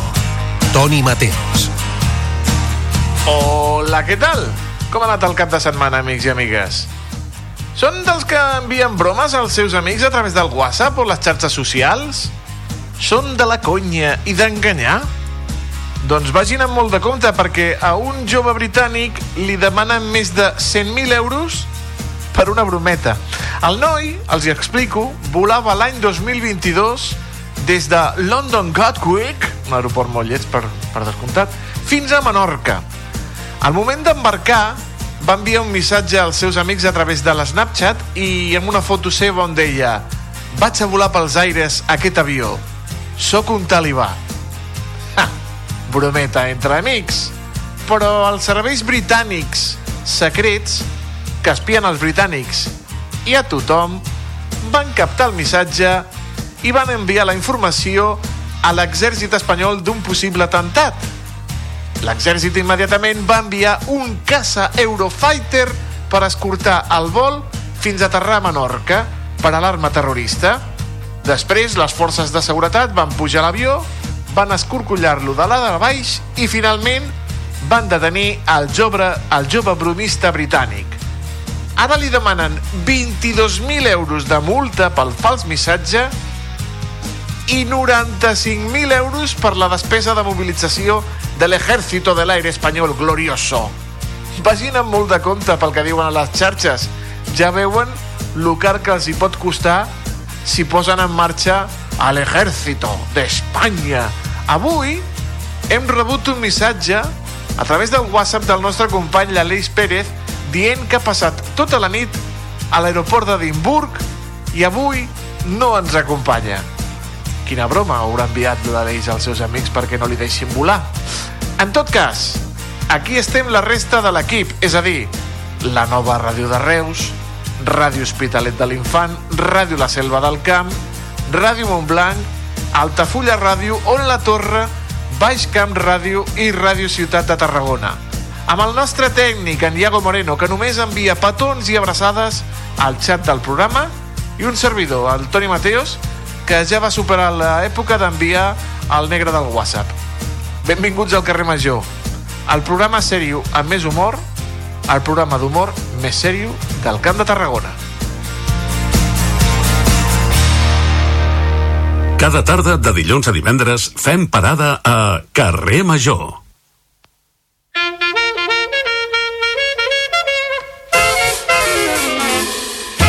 Porte cazzone con un stemma a rete Una cupulella che vi si era aizzata. Passa scampanianna pattuleta. Con mano a papà te fa guardare Tu fa l'americano, americano, americano. Sienta a me chi non fa Tu vuoi vivere alla moda Ai, el Renato, Renato, Renato. Un actor italià busca la seva família de Riudoms. Sembla el títol d'una pel·lícula de Fellini, però no, és una història ben certa.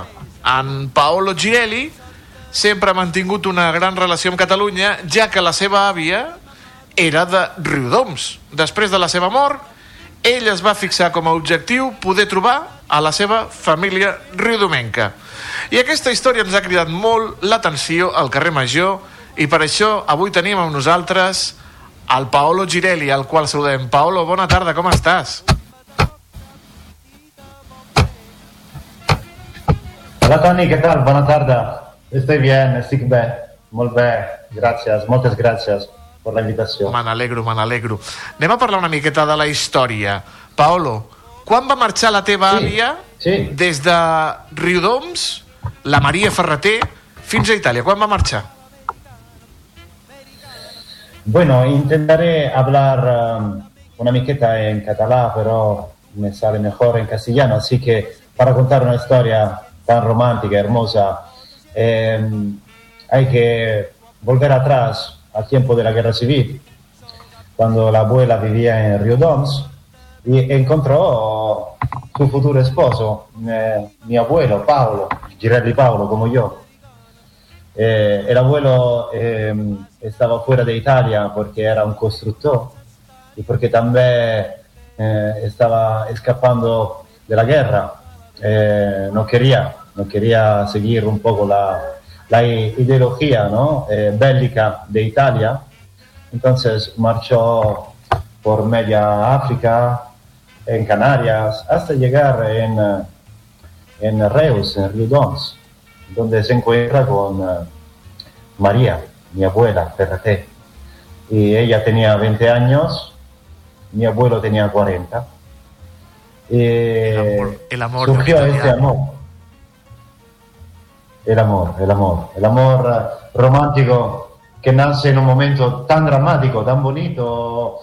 Pensar que los dos se marcharon de allí, llegaron en Italia, construyeron eh, una hermosa familia, una- un barrio, un barrio mm, que se llama Barrio Girelli, constru- porque mi abuelo era un constructor, con eh, un poco la gestión administrativa que tenía la abuela como buena catalana eh, cos- la construcción de casas de mi abuelo se creó una gran identidad, eh, una gran realidad. Después de la guerra tuvieron un momento eh, de gran abundancia económica, de felicidad. Cinco hijos, cuatro hijas y mi padre, que pero se marchó muy pronto de este mundo. Entonces yo me quedé con esta relación tan hermosa con la abuela, mm, amorosa. Eh, siempre decía, ¿no? Un poco con vanto que tenía una abuela española y ella me contestaba que no, soy catalana. Pero al tiempo, al tiempo viviendo en Italia, puedes imaginar, no, no, lo, no lo ves un poco, ¿no? Eso, Tony, no lo entiendes bien, es como decir, soy de Italia, soy de Roma. Ma con el tiempo la vida me ha acercado a la cultura catalana, viviendo en Barcelona, en el Maresme, en diferentes sitios de Cataluña y conociendo un poco más a fondo ¿no? la cultura, la identidad. Y así me venía más clara, ¿no? el, más claro el mensaje de soy catalana. Y así, Perdona, Pablo, co- com, com, com era la- com era l'àvia? Qui, quin caràcter tenia la teva àvia, la, la, la iaia Maria? Mm, bueno, un carácter muy fuerte, de hierro. Aquí en, eh, en Italia, eh, el abuelo claramente teniendo 20 años más, se marchó en 1984. Mi abuela se quedó viuda, fiel por toda la vida a su hombre, no se volvió a casar, pero sí supo mantener la gestión de este barrio, de estos palazos, de la gestión de, una dimensión importante a nivel inmobiliario, eh, con grande fuerza, dignidad, valor, manteniendo fuerte su identidad, su cultura, su manera, su estilo, sus costumbres, el pan con tumaca en casa, su acento catalano, su- escuchaba la radio en catalano, tenía la, la televisión en catalán, eh, eh, era una persona que siempre llevó en su corazón esta cultura y, y- y nunca olvidó su tierra y su raíz. Y al final de su camino eh, em, pedía insistentemente de volver a casa, quería ser enterrada en Riudons. Y esto mantenía a todos nosotros de la familia así, atónitos, mirándonos. Y era increíble el rellamo de la raíz de la tierra que eh, le hacía decir, quiero volver a, casa. Y, y- claro, era fácil a nivel legal, burocrático, transportar. Unas almas hasta el extranjero y luego además quién podía ir a llevar una flor ¿no? a visitarla. Pero ella de- dejaba a todos nosotros sin palabras cuando mostraba este, este llamado de la tierra, de la casa, de la raíz. Hoy eh, es el primer día donde vamos un poco a presentar lo que pasará el 29 en Reus, porque eh, siempre casualmente, estas casualidades mágicas, en un retiro en Montserrat que yo estaba teniendo, he conocido eh, Marie Carmen Just, que está en el consejo eh, mm, directivo de la sala de lectura de Reus. Eh, entonces organizamos esta conferencia teatral, porque yo soy un actor, hago conferencias teatrales, y decidimos de hacerle Reus. Y este contacto, este encuentro, se manifestó en Montserrat, en un monasterio. Entonces tiene todo un alón de magia y de bonito, ¿no? Parece casi un llamado que la abuela quiere que otro Girelli Paulo vaya allí, en su misma tierra, eh, da su gente, a recordar que esta señora siempre llevó su gente y su raíz en su corazón. Mm, es algo que, que llega de esta manera, parece el libro cuore de, de, de Anichis, ¿no? No, no, ja, ja, no, no. ja, ja, ja ara, ara parlarem de, de, la, de la teva conferència teatral o de la teva conferència teatralitzada. Eh, L'àvia et parlava de Riudoms. Què et deia de, de, de Catalunya? Et deia, per exemple, que Gaudí era de Reus? Sí, ella se hacía vanto ¿no? de, de, su tierra eh, y de la cultura que había en su tierra, del hecho que ella estaba eh, eh, en un pueblo como Riudoms, muy cercano a Reus, donde hay mucha cultura. Siempre decía que, que sabéis vosotros la cultura que hay ¿no? en nuestra tierra y, y de que Barcelona es buena si, Sí, la. Sì, la bolsa suona, amore mio bella. Eh, ay, ay, ay. Y el bonito, el bonito en todo esto, que es real, es real, Tony, el bonito es que sabemos que las personas de algunas generaciones atrás no hablaban mucho ¿no? de los tiempos que habían vivido de la guerra, eh, de estos acontecimientos, eh, y se están, están saliendo ¿no? a la luz. Informaciones como la que mis bisabuelos, eh, eh, eh, Isidoro, el papá de María, de mi abuela, estaba en el consejo del ayuntamiento de Riudoms, de, de, izquierda republicana en aquel, en aquel entonces, que tuvo una grande lucha con el periodo franquista durante la guerra, que tuvo luego que marcharse a, a Francia. ¿eh? Fue, eh, tuvo que escapar. Eh, mi abuelo Paolo, mi abuelo Paolo con María en Reus, pasó Franco prácticamente en aquel momento, había un corteo.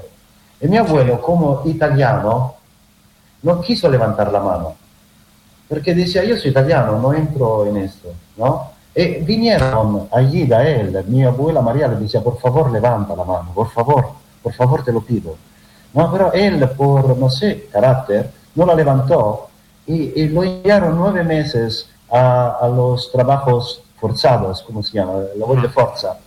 Uh, uh, bueno, historias que están saliendo ahora y que de alguna manera quiero ir más allá. Ahora, eh, algunas personas de Rio Dons están enviando fotos al alcalde que realmente eh, Ricard Gillis está poniendo en ayuda en todo esto, en creando esta carramba que sorpresa, y era un programa de Rafaela Carrá, que es encontrar los parientes lejanos, ¿no? Eh, es un poco así, pero en estilo catalano. Eh, eh, hay personas que están enviando fotos de mi abuela, es emocionante, Tony, fotos de mi abuela jovencita, em, recuerdos, alguien que son parientes. Entonces, el domingo 28, en el ayuntamiento de Tons, con el alcalde, nos encontraremos con esta familia que yo tengo.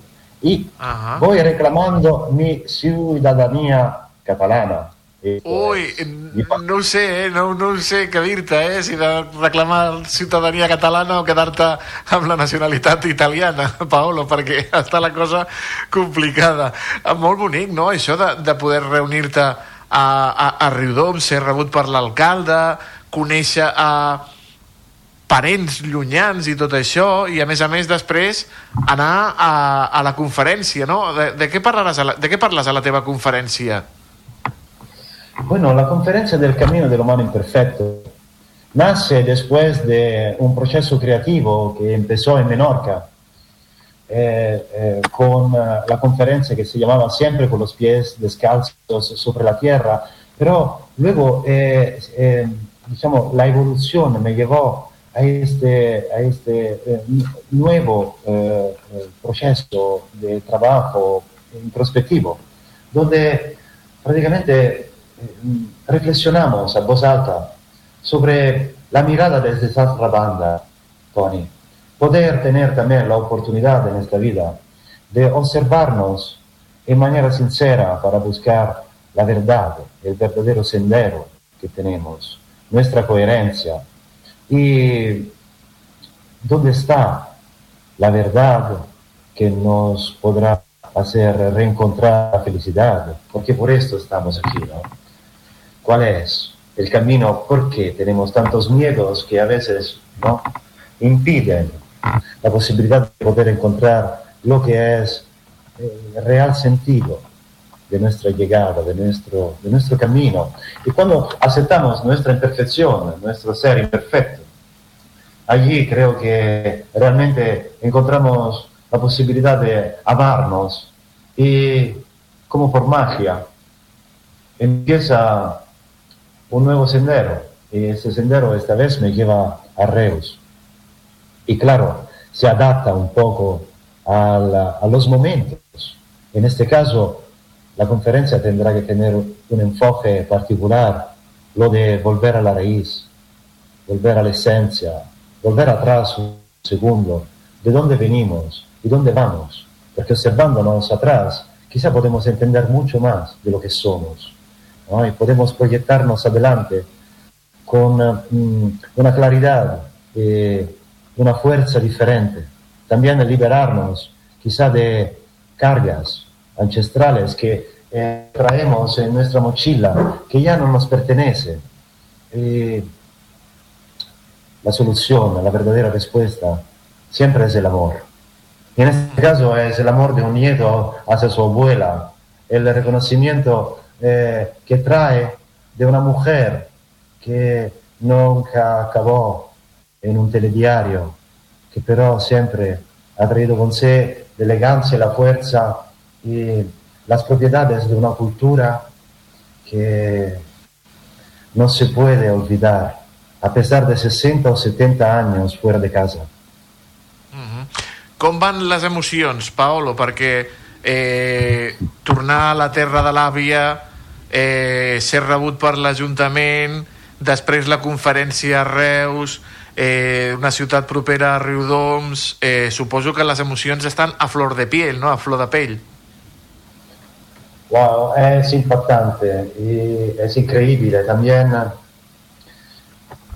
puedo decir que eh, aconsejo un paquete de pañuelos para quien estará allí presente a la conferencia. Pañuelos de eh, lágrimas de alegría. Es un gozo. Es, es algo realmente eh, eh, donde, donde se, se percibe, como digo ya ta- también en la conferencia, sabemos que hay algo más, entendemos algo, percibimos algo más cuando hay estas cosas, porque casualmente encuentro una señora en Montserrat, casualmente está en el centro de lectura, casualmente llego a Reus, casualmente alguien se pone en contacto que parece, el- entro en contacto con el alcalde, llega Tony y voy a hablar y a darme a conocer. Casualmente, casualmente, casualmente, como decía San Pablo, o creemos a todos o no creemos a Eh, no, no, hem perdut la connexió amb el, hem perdut la connexió eh, només recordar El camino del humano imperfecto aquesta conferència teatral del Paolo Girelli dilluns eh, vinent dilluns dia 29 a partir de les 7 de la tarda a la sala eh, Emili Argilaga del Centre de Lectura de Reus podrem gaudir d'aquesta conferència. Hem perdut el, el Paolo, però eh, el temps també s'havia acabat. Només que donar-li les gràcies i que ens veurem aquests dies per Reus i per Riudoms. Gràcies, Paolo. Una abraçada. Una mansió de les que el temps ha guarnit. S'ha trobat arraconat un quadre gegantí. Molt a prop a un dit de pols en un manuscrit. Una vella inspiració reviu el seu desig Doncs vinga, nosaltres continuem. Anem de Riudoms, eh, d'aquest actor italià, a parlar de, de l'art, de la història de l'art. Una setmana més parlem d'art amb el nostre historiador, el Daniel Amorós, que avui ens parla de calçotades. Com podem lligar calçotades amb història de l'art? Hi ha pintors que pintaven amb, amb, les, amb els calçots? Damià Amorós, bona tarda, com estàs? Bona tarda, què tal? Com anem? Molt rebé, molt rebé. Home, a veure, pintors de calçotades. Jo me'n recordo del Murillo, que, panta, que Sí. pintava els nens menjant raïm o tartaletes, però calçots. Sí. No d'ell. espero que segurament trobaríem algun artista bastant sombat per, per pintar amb calçots amb les arrels aquelles o amb, o amb les fulles verdes, no? Però sí que és cert que, que crec que en, en la cultura mediterrània no existeix un àpat, perquè òbviament que quan parlem de calçotada parlem de, de tot l'àpat, no només del, del fet de menjar calçots, però un àpat tan, tan saludable, tan eh, amb unes necessitats bàsiques que el fan una trobada social amable, i jo només conec una calçotada que hagi acabat malament i és quan la faig amb els de la meva colla i sobretot quan són els més dropos i ets tu el has de coure, la carn, els calçots i tot això. Però sí que és cert que dins la història de l'art trobaríem grans menjars però trobem personatges com Dalí, com Miró com... Mira, ara m'ha vingut un flash Vigues Luna amb la, amb la teta i la luna i totes aquelles pel·lícules ambientades al Camp de Tarragona on la reunió per menjar i especialment ara entre gener, febrer i març calçots esdevé una obra d'art també la, seu, la seva manufactura eh? crec que, que ho podem lligar bastant bé perquè a dia d'avui a l'estat espanyol es donen medalles a les belles arts als, als cuiners Sí, és cert. Has estat donant ara aquestes medalles d'or de, de les aquell arts. senyor que fa coses amb, amb, amb barbarejos i, i, i, i què era allò, musclos de llauna que es diu Ferran Adrià li van donar la medalla a les belles arts i a la Ruscalleda crec que també. Eh, has parlat de Dalí.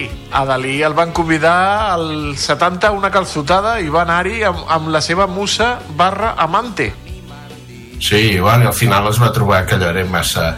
Dalí amb Valls tenia una relació molt interessant, eh? Vull dir, aquesta calçotada és un punt, però tots els ballencs que es preguntin on és la seva àguila original segurament saben que és el Museu Dalí de Figueres perquè l'Ajuntament li va...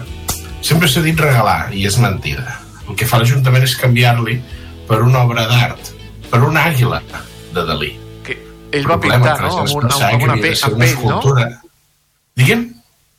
Crec que ell va pintar una àliga a, amb un tros I de va fer una pell. pixarrada a terra i va dir que allò era una àguila. Eh?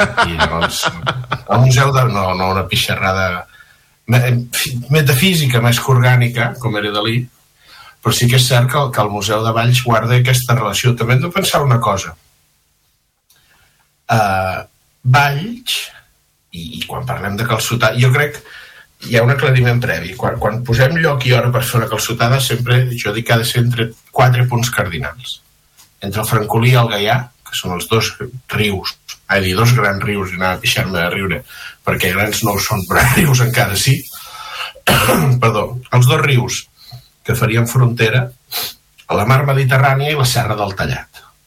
Dins d'aquest dins d'aquest rectangle molt estretet, aquí es pot fer una calçotada. El que es fa fora, jo crec que és menjar calçots. Això per començar. I després l'altre. Uh, la ciutat de Valls, que és el, el, el pal de paller de, de, del calçotisme, jo crec que hi hauria d'haver un moviment internacional que fos el calçotisme Sí. lligat amb el carlisme o amb l'anarcocarlisme liberal, amb tot això segurament trobaríem punts de connexió. Valls és una ciutat que ha donat grans artistes al món.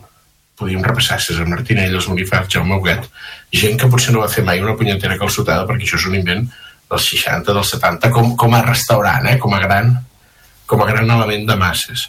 Però sí que és cert que els català, els fotògrafos, algun dels seus personatges ha participat a la promoció de les calçotades.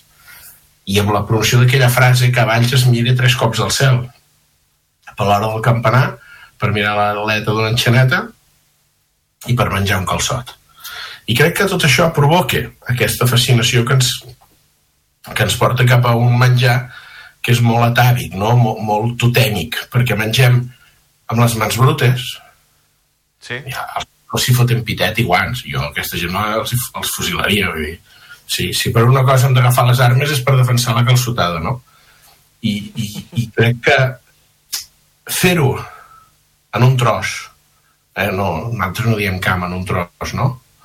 Eh, amb un hort, amb la gent que estimes, que vols fer aquella calçotada, pràcticament és, és una obra d'art. Uh, hem parlat també de... Has dit Miró. Home, el mas de Miró és famós. Potser allà no hi ha quadres de Miró que, siguin, cal- que representin calçotades, però potser en aquell mas es va fer una bona calçotada. per, per, per, per mm, a veure Miró sabem que va menjar calçots i sabem que ho va fer la Masia Bou de Valls que és, que és on Ah. es trobava la colla de l'olla Sí, que- sí, sí, on, on van convidar És és a, la- a, a Dalí, exacte. Sí, a Dalí també el van convidar allà que, que aquesta colla podríem dir que era, van convertir les calçotades com un element antifranquista és a dir, una, Mm -hmm. ojo en quins nivells estem arribant però sí que és cert que el Mas Miró hi ha un hort preciós, fantàstic. Crec que a dia d'avui no s'hi cultiven calçots o cebes grillades, que és al final el que parlem ara diuen la ceba d'or. Escolta'm, això és una ceba grillada. Però sí que és cert que Miró a les seves temporades quan hi va estar la calçotada no era un fet tan, tan, tan popular. El que sí va fer van ser carnades, és a dir, carn a la brasa allò devia anar a l'ample si ara penséssim, ostres, Miró va fer una calçotada tal, si mirem la Masia, que és aquell quadre de 1920 va ser promentat uh -huh. de Hemingway Cars al Museu Picasso de Barcelona veuríem que no apareix un manat de calçots. Quan si nosaltres pintéssim una masia bueno, penso que diuen la masia no? si pintéssim una masia de Valls òbviament sortiria un, un xap o una aixada amb un manat de calçots. Doncs això ens demostra que la calçotada és un fet contemporani.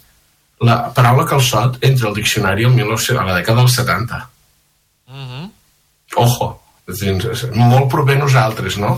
podríem haver celebrat els 50 anys de la inclusió però potser algú de Valls no s'hi va fixar Déu-n'hi-do, déu nhi déu Quines coses aprenem de la calçotada. I artistes ara moderns, no sé, ara que Home. comencen a pintar amb, amb, amb cafè, podrien aprofitar les braces de la calçotada, agafar una braça i fer algun... Pintar amb cendra es fa, eh? Pintar amb cendra, Pintar amb o, o, amb els, o amb els rostolls que queden es fa. El que jo em semblaria un insult és pintar amb salsa calçot, perquè és una cosa tan bona que s'ha de guardar. S'ha de guardar. Sí que és cert que a dia d'avui, eh, amb els Figa Flowers, segurament ballencs, res, Home, i- ressuscitarà. i- i- Eh? Artistes? Aquestes, que sí, sí, també són artistes i, i segurament això crearà un, un, una altra forma de veure la calçotada, no? Jo quan, quan veig que de vegades pugem a Andorra per la C14 quan veus qui diu calçotades a Pons penses, hòstia, anem malament com a país anem malament, perquè a Pons s'han de menjar altres coses, però calçots no ara fa una estona mirava d'on sortia la majoria de calçots al camp de Tarragona encara en són potència però ostres, el, el, el Maresme està en el 44%, 44% de, de producció eh, hem de vigilar perquè si ens han robat la Tarraconense i Hispània Citerior potser ens poden robar la calçotada eh? No ens la robaran mai, que estan els Figaflowers i el seu disc es diu Calçotada i, i bé, i, la, i la, la porten com a bandera i bé. I bé. Eh, bé. Tu faràs alguna calçotada aviat, Damià, o ja n'has fet alguna? Mira, uh, a casa tenim la sort de... de uh, si fos a Valls diria que tinc una masia, una masia, perdó, que diu una ximla aquella estranya que fan, quan diuen guape a la, a la molassa. A, a casa tenim la sort de tindre hort, que hort vol dir un tros on, on hi ha un hort i una barraca on fer menjars. jo de petit comptava les calçotades que feia per temporada. 3, 4... Uh, uh, fa 7 anys vaig deixar de comptar perquè havia passat a les 500. Llavors, jo em considero mestre de calçotaire, no de calçotets, sinó de calçots, i aquest títol autoimposat em provoca que n'hagi de fer unes quantes. I, Pues mira. i clar, arriba un punt que és quasi com una obligació. Eh, si presumeixes d'aquest títol de mestre calçotaire, no pas de calçotets, sinó de calçots, eh, De calçots, de calçots. la gent de carrer Major, les 8 emissores, volem calçotada a casa teva, eh? Ja veus, veus? Ja m'ho imaginava, ja. Ja m'ho imaginava. Ja m'ho imaginava. I més que el sud, és a dir, amb el menú típic, eh? que, que aquí la conca és un pèl variat de l'alt camp. Canvia una cosa. Les postres no són crema catalana o taronja, sinó que és braç de gitano de metro. Ah, mira. Bueno, Són uns que fan a Vimbodí, que són o de trufa, de metro o de crema. I clar, Bé, bé. el gitano és molt gran per, un, per tindre un bra, dos braços de metro, clar. Gitano de Ens Vimbodí. apuntem, eh? Jo, jo dic que en, nom de les vuit emissores que fem al programa que ens apuntem a, a aquest canvi, eh? No, no, no patiríem. Sí, no, ja ho veig que no, que no us afecta gaire. No, no, taronja. no, no, som de bon any. Encara menys. Damià Morós, com sempre, moltíssimes gràcies per portar-nos l'art de la calçotada avui al carrer Major. Una abraçada molt gran. Gràcies a vosaltres. Que vagi molt bé. Adéu, gràcies. Adéu, gràcies.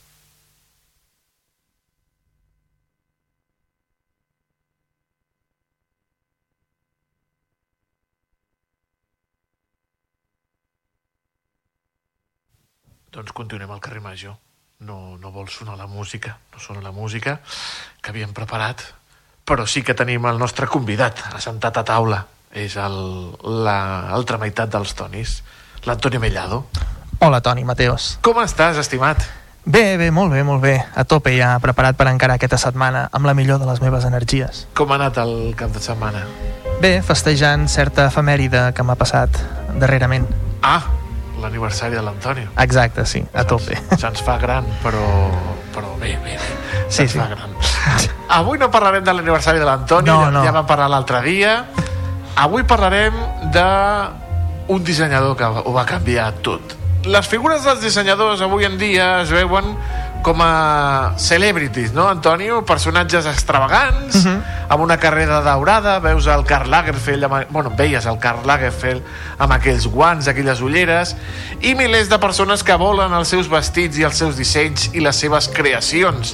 L'alta costura, que abans estava a mans de molt poca gent, en un passat, ha fet un pas endavant per arribar amb més públic gràcies a la moda pret-à-porter. Però qui va iniciar, Toni Mateos, aquest culte a la figura del dissenyador, no? Qui, veure, qui, qui ho va iniciar? Qui ho va iniciar? Qui va ser la primera persona en transformar aquesta obra en llegendària, convertint-se ell mateix, de fet, en una figura gairebé mitològica? Qui va ser? Qui va ser? Doncs la resposta universalment reconeguda és una. Cristóbal Valenciaga. Hombre. El dissenyador basc va ser el primer en encunyar el terme alta costura. Actualment a Disney Plus, hola amics de Disney Plus, aquí els Tonis, ja sabeu, una subscripció gratuïta per l'any ens vindria molt bé. Podeu veure una meravellosa sèrie, gràcies senyors de Disney Plus, sobre la vida de Valenciaga, interpretada magistralment per gran actor Alberto San Juan, que a més a més parla en francès i en basc. Sèrie recomanadíssima de la vida del gran dissenyador, el que Christian Dior considerava el mestre de tots els dissenyadors, o la gran Coco Chanel, que va dir que és l'únic veritable modista, després de tot, era Valenciaga. Els altres tan sols eren dissenyadors de moda. Apa, dures paraules, eh, de la Coco Chanel. I tant. Qui era aquest senyor? Doncs va ser espanyol de naixement i va obrir la seva primera botiga el 1937 a París, convertint-se en poc temps en un dels estilistes més seguits del moment. La seva roba és tan majestuosa i festiva com també ho és de reservada i tímida. Avui, en aquesta secció de dilluns, us portem curiositats sobre, precisament, Valenciaga. Nascut el 1895 a Getaria, Guipúscoa, fill d'una família bastant pobra. Ja des de molt petit es va trobar sovint ajudant a la seva mare, eh, costurera, i per això ja als 11 anys era molt bo amb agulla i fil. Només un any després va deixar l'escola per dedicar-se a temps complet a la sastreria de la seva mare, on es va convertir ràpidament en el seu assistent. amb 11 anys ja cosia. Enamorat de la moda des de ben jovenit, eh, eh, allò que diu enamorado de la moda juvenil, Valenciaga freqüentava sovint les dones nobles de la seva ciutat de Guetària que apreciaven les seves creacions i la destresa d'aquest jove dissenyador. Eh, Valenciaga va realitzar nombrosos viatges, entre ells molts a Biarritz, una ciutat fronterera francesa, per a veure com es, van, com es vestien les dones d'allà, les dones franceses. I a Biarritz va aprendre el francès i en poc temps va dominar-lo a la perfecció.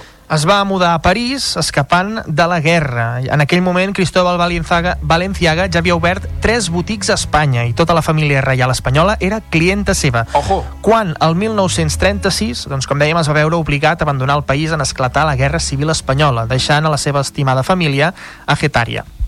Valenciaga es va mudar de mala gana a París i la seva nova botiga va obrir portes gràcies a dos mecenes de l'Avenue Georges eh, cinquè? Molt bé. Número 10, a l'agost del 1937. Va revolucionar a Valenciaga la silueta de la dona, espatlles amples i formes quadrades. El seu abric quadrat és una peça icònica del dissenyador i va tenir tant d'èxit que van haver-hi gent disposada a viatjar per tota Europa per aconseguir aquest, aquest abric. Van ser el seu codi estilístic. Sublim suavitat de la forma, volum al voltant de la cintura, asimetria en el llarg.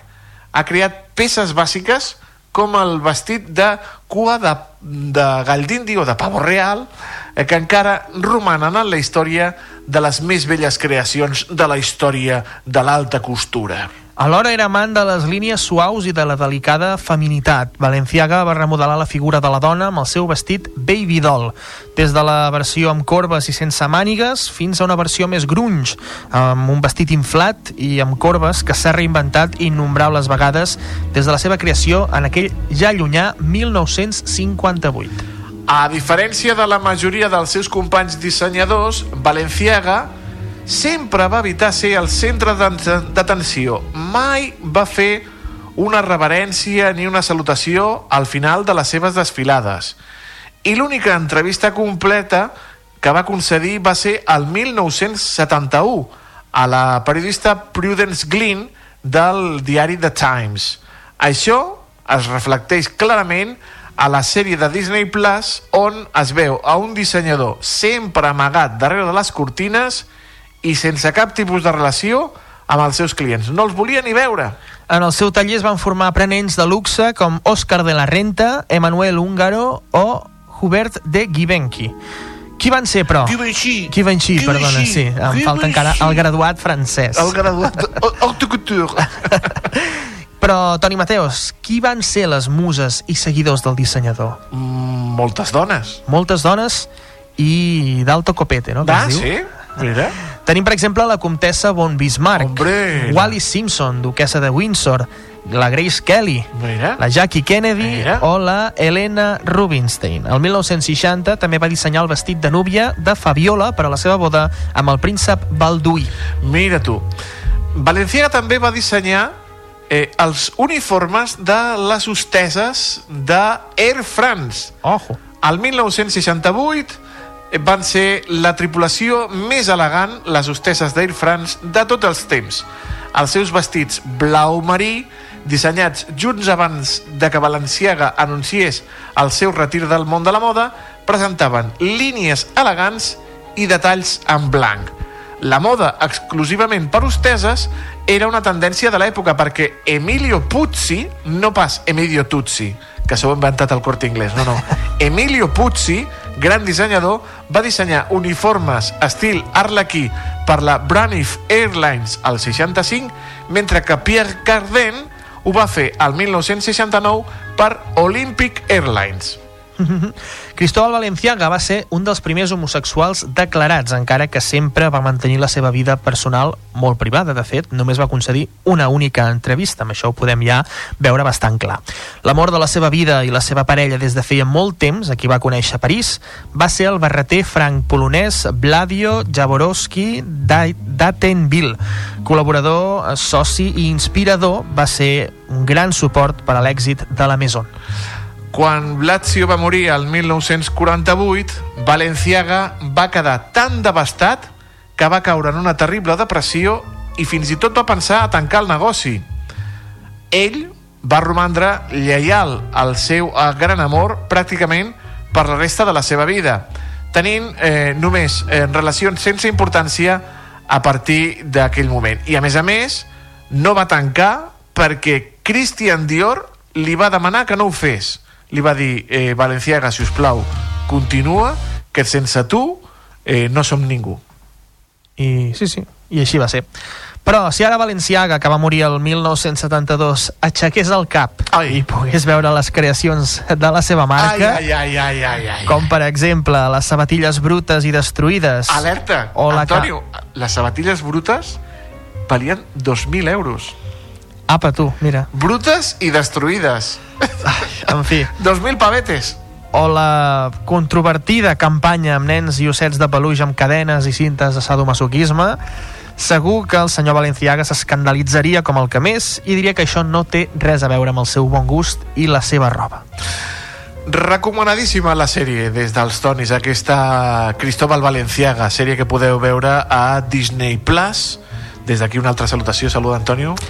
Hola, senyors de Disney Plus, volem subscripció vitalícia. Toni, portem molt de temps ja Sí, demanant. No ens hem de rebaixar, dir l'anual ja, eh? No, ha de no, ser no, no. subscripció vitalícia. Vitalícia, vitalícia, eh? No podem fer més la pilota als senyors de Disney Plus Exacte. eh? I, i recomanar aquesta sèrie a banda, amics i amigues, si la poden veure eh, no se la perdin perquè el paper que fa l'Alberto San Juan és de premi i a més a més parlant en francès en basc, en castellà i veure a la, una de les protagonistes de Joc de Trons hablando en castellano és molt divertit, molt divertit no se la perdin eh, Valenciaga a Disney Plus i l'Antonio Mellado dimecres vinent als Tonis Exacte, sí. De què parlarem, Toni? És un misteri, no? Vés a saber, vés a saber. qui sap, qui sap. Qui sap. Gràcies, Antonio, una abraçada. Adeu. Adeu.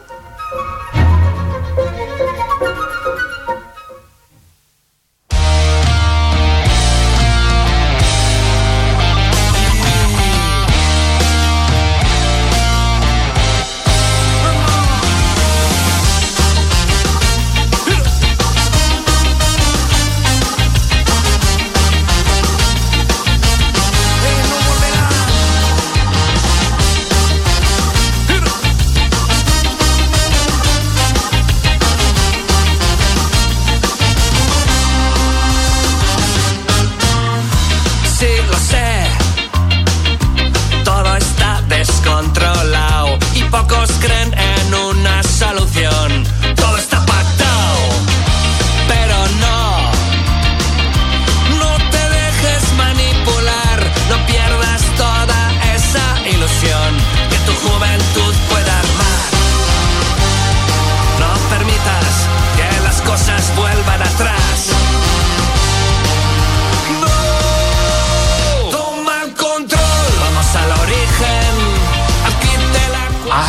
Ai, el Fernández que li agrada l'esca, que li agrada els Escalariac, aquell grup mític, que li agrada el Juancho Escalari, eh? el cantant dels Escalariac, eh, reusenc d'adopció, perquè es va enamorar d'una reusenca, mira, coses de l'amor, i ara el tenim eh, vivint per aquí, pel, pel camp de Tarragona. Ens dona més detalls de per què ha escollit la banda sonora el David Fernández eh, des de la nova ràdio. El saludem. David, bona tarda, estimat. Hola Toni, molt bona tarda. Avui comencem la setmana ballant esca, ballant aquests ritmes escatalítics que ens porta en Juancho Escalari, aquest músic basc que des de fa una bona pila d'anys viu a la ciutat de Reus, des d'on edita els seus treballs discogràfics. El Juancho, com ja sabeu, va ser el cantant de la formació Escalarià, que a finals dels 90 i principis dels 2000, una formació força coneguda pel que fa a l'esca a nivell estatal, i quan ho van deixar estar, doncs va començar la seva trajectòria en solitari. El 2014 publicava Rude Station, el 2018 Rudy Records, el 2020 Roots Market, el 2023 Super Roots Market, i ara en Juancho doncs, està a punt d'editar el seu nou treball discogràfic en solitari que portarà per nom Radical Park Episodi 1. Un treball que, igual com està fent amb els anteriors, es presentarà per arreu de l'Estat, però també per Llatinoamèrica. De fet, el dia 1 de febrer començarà la gira a Suïssa i després recorrerà doncs, diversos municipis de França, de Bilbao, a València, a Irunya, a Torrelavega i finalment el mes d'abril anirà doncs, a Santiago de Xile i també a Bogotà, a Colòmbia. El concert, però, que farà a casa nostra per tal de presentar aquest disc, el primer concert a Catalunya serà, apunteu a l'agenda, el dia 24 de febrer a la sala Paral·lel 62 de Barcelona. Per tant, si us agrada la música del Juancho Escalari, podeu escoltar de moment aquesta cançó, es diu No Volveran, el primer senzill de presentació d'aquest Radical Park episodi 1, o podeu anar-lo a veure en directe el dia 24 de febrer, com diem, a la sala Paral·lel 62. Avui Juancho Escalari és la banda sonora del dia del carrer Major.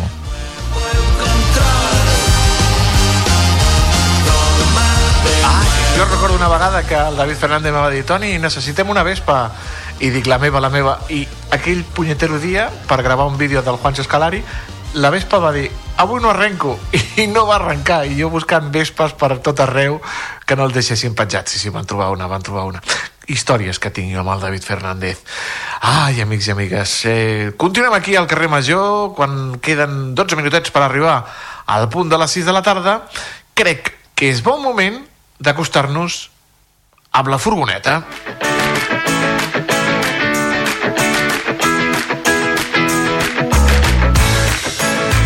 Conductora de la furgoneta, ja ho saben, és la nostra companya de Baix Camp Ràdio, la Cristina Artacho, que viatja per tot el territori, per tot el Camp de Tarragona, buscant notícies i actualitat. I avui, on ha marxat? Cristina Artacho, bona tarda. Benvinguts un dia més a la Furgo. Avui sóc a Tarragona, a l'escola Estela, que és una escola d'educació especial. Als dos costats, molt ben acompanyada, tinc la directora de l'escola, la Sandra Valls, i la subdirectora de l'escola, sotsdirectora de l'escola, la Maria Beneito. Què venim a fer avui? Doncs explicar que l'escola Estela, que forma part de la xarxa Santa Tecla, ha tirat endavant unes caixes d'aprenentatge perquè els nens i nenes de les escoles ordinàries coneguin quina és la realitat dels infants amb discapacitat. Com ha sigut aquest projecte i com són aquestes caixes, Sandra? Bon dia. Uh, les caixes, en principi, uh, fa molt de temps que les vam idear. Ens ha costat molta feina i molt d'esforç, però ho hem aconseguit. Llavors, uh, les capses el que vol, l'objectiu principal d'aquestes capses és fer difusió de la realitat dels nostres alumnes i tota la gent que els envolta, la família, els amics, tothom qui forma part del seu nucli familiar, no? Um, com ja hem dit altres vegades, fins que no et toca de prop, moltes vegades la por, el desconeixement fa que tu com m'aïllis una mica segons quins, quines coses. Llavors el que volíem era que qualsevol alumne um, sigui conscient de què comporta que tu no puguis verbalitzar, no tinguis llenguatge oral i no puguis expressar el que tu tan fàcilment dius, mama, tinc mal de panxa, no? Com ho puc dir jo si no ho puc uh, expressar verbalment.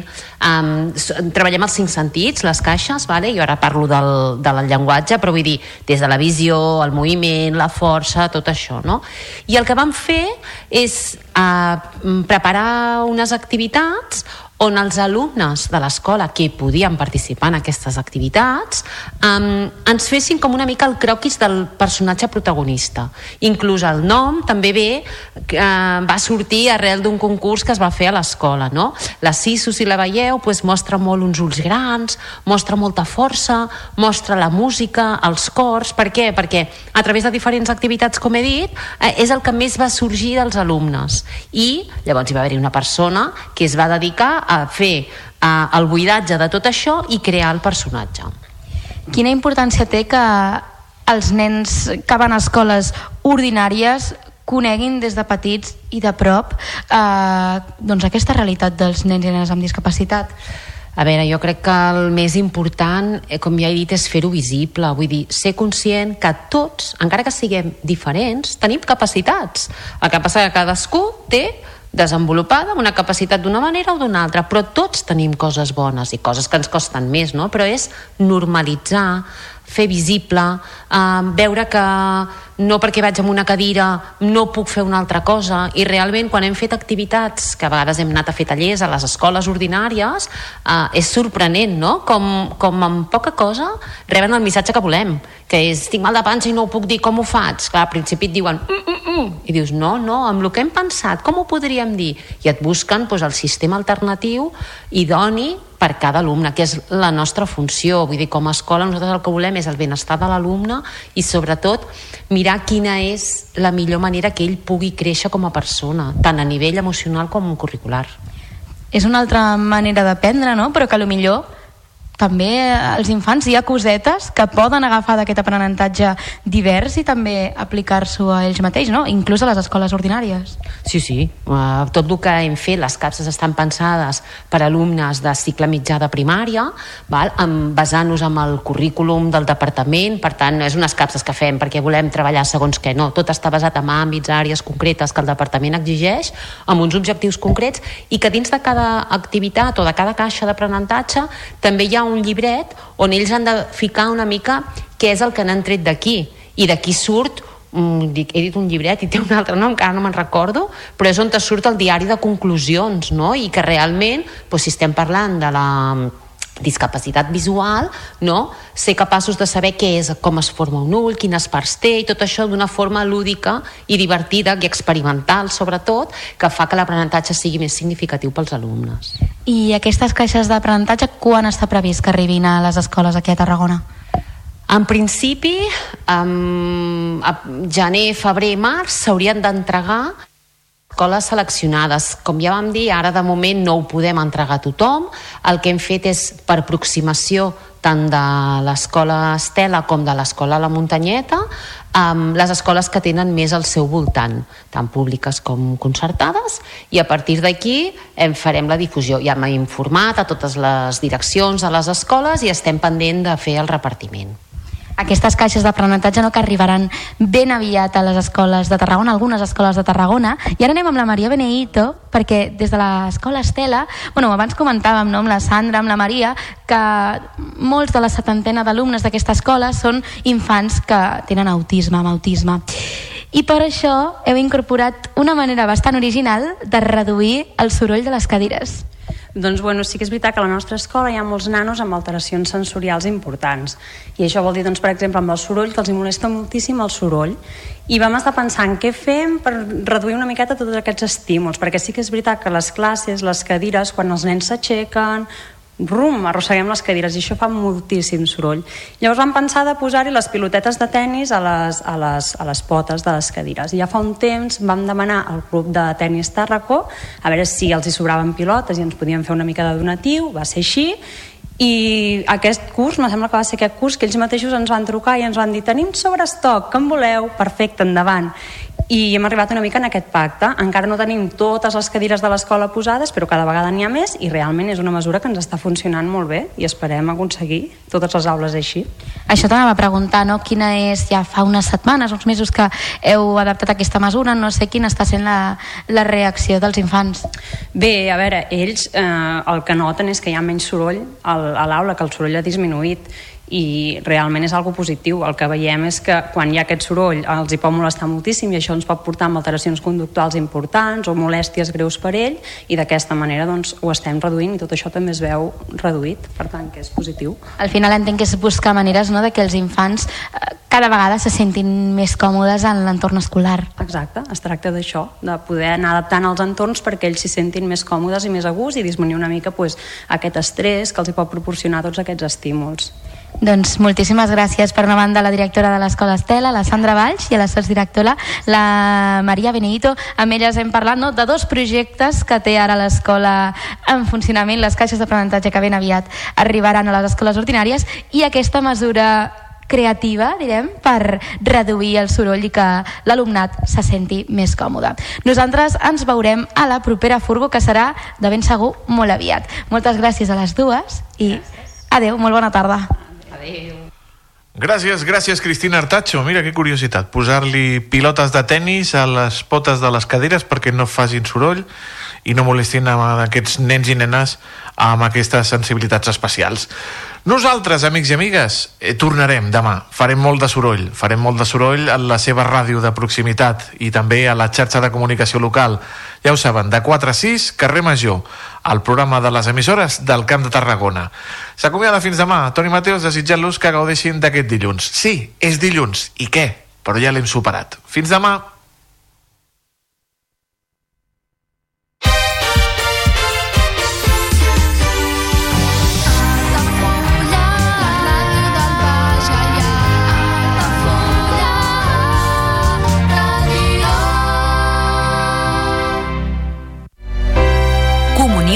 2024. Dates ja disponibles amb sales privades, jardí, pàrquing privat i la millor gastronomia. Més informació i reserves al 977 65 11 55 i a comercial arroba altafullamarotel.com o al web altafullamarotel.com. Les teves celebracions familiars a l'Altafulla Mar Hotel.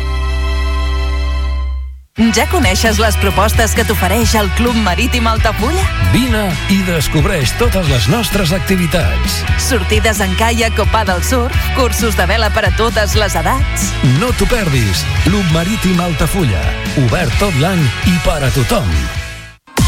Carrer Major, el programa de les emissores del Camp de Tarragona. Cada dia de 4 a 6 de la tarda, el que passa al Camp de Tarragona t'ho expliquem amb la major redacció d'un programa de territori quilòmetre zero. Periodisme de proximitat, continguts de qualitat, amb Anna Plaza i Toni Mateos. Carrer Major.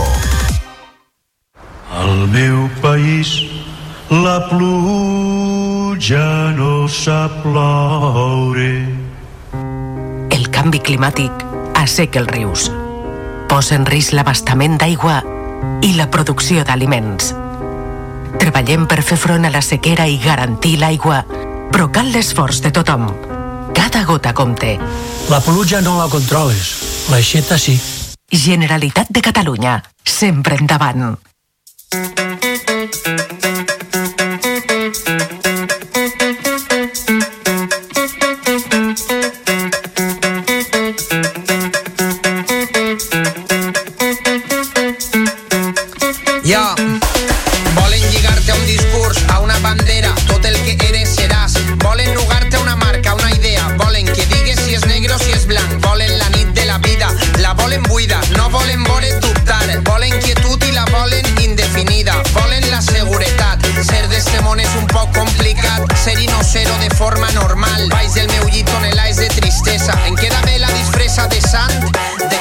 Fugint quan t'acuses? Les teues paraules on van? Quan no quede res tampoc hi haurà excuses. Tornen les hòsties com un boomerang. Ara és la neta la pedra. Ara fa un fred tropical. Sant fe de pau i de guerra. Totes les Són les 6 de la tarda. Les tardes d'Altafulla Ràdio, la ràdio del Baix Gaià.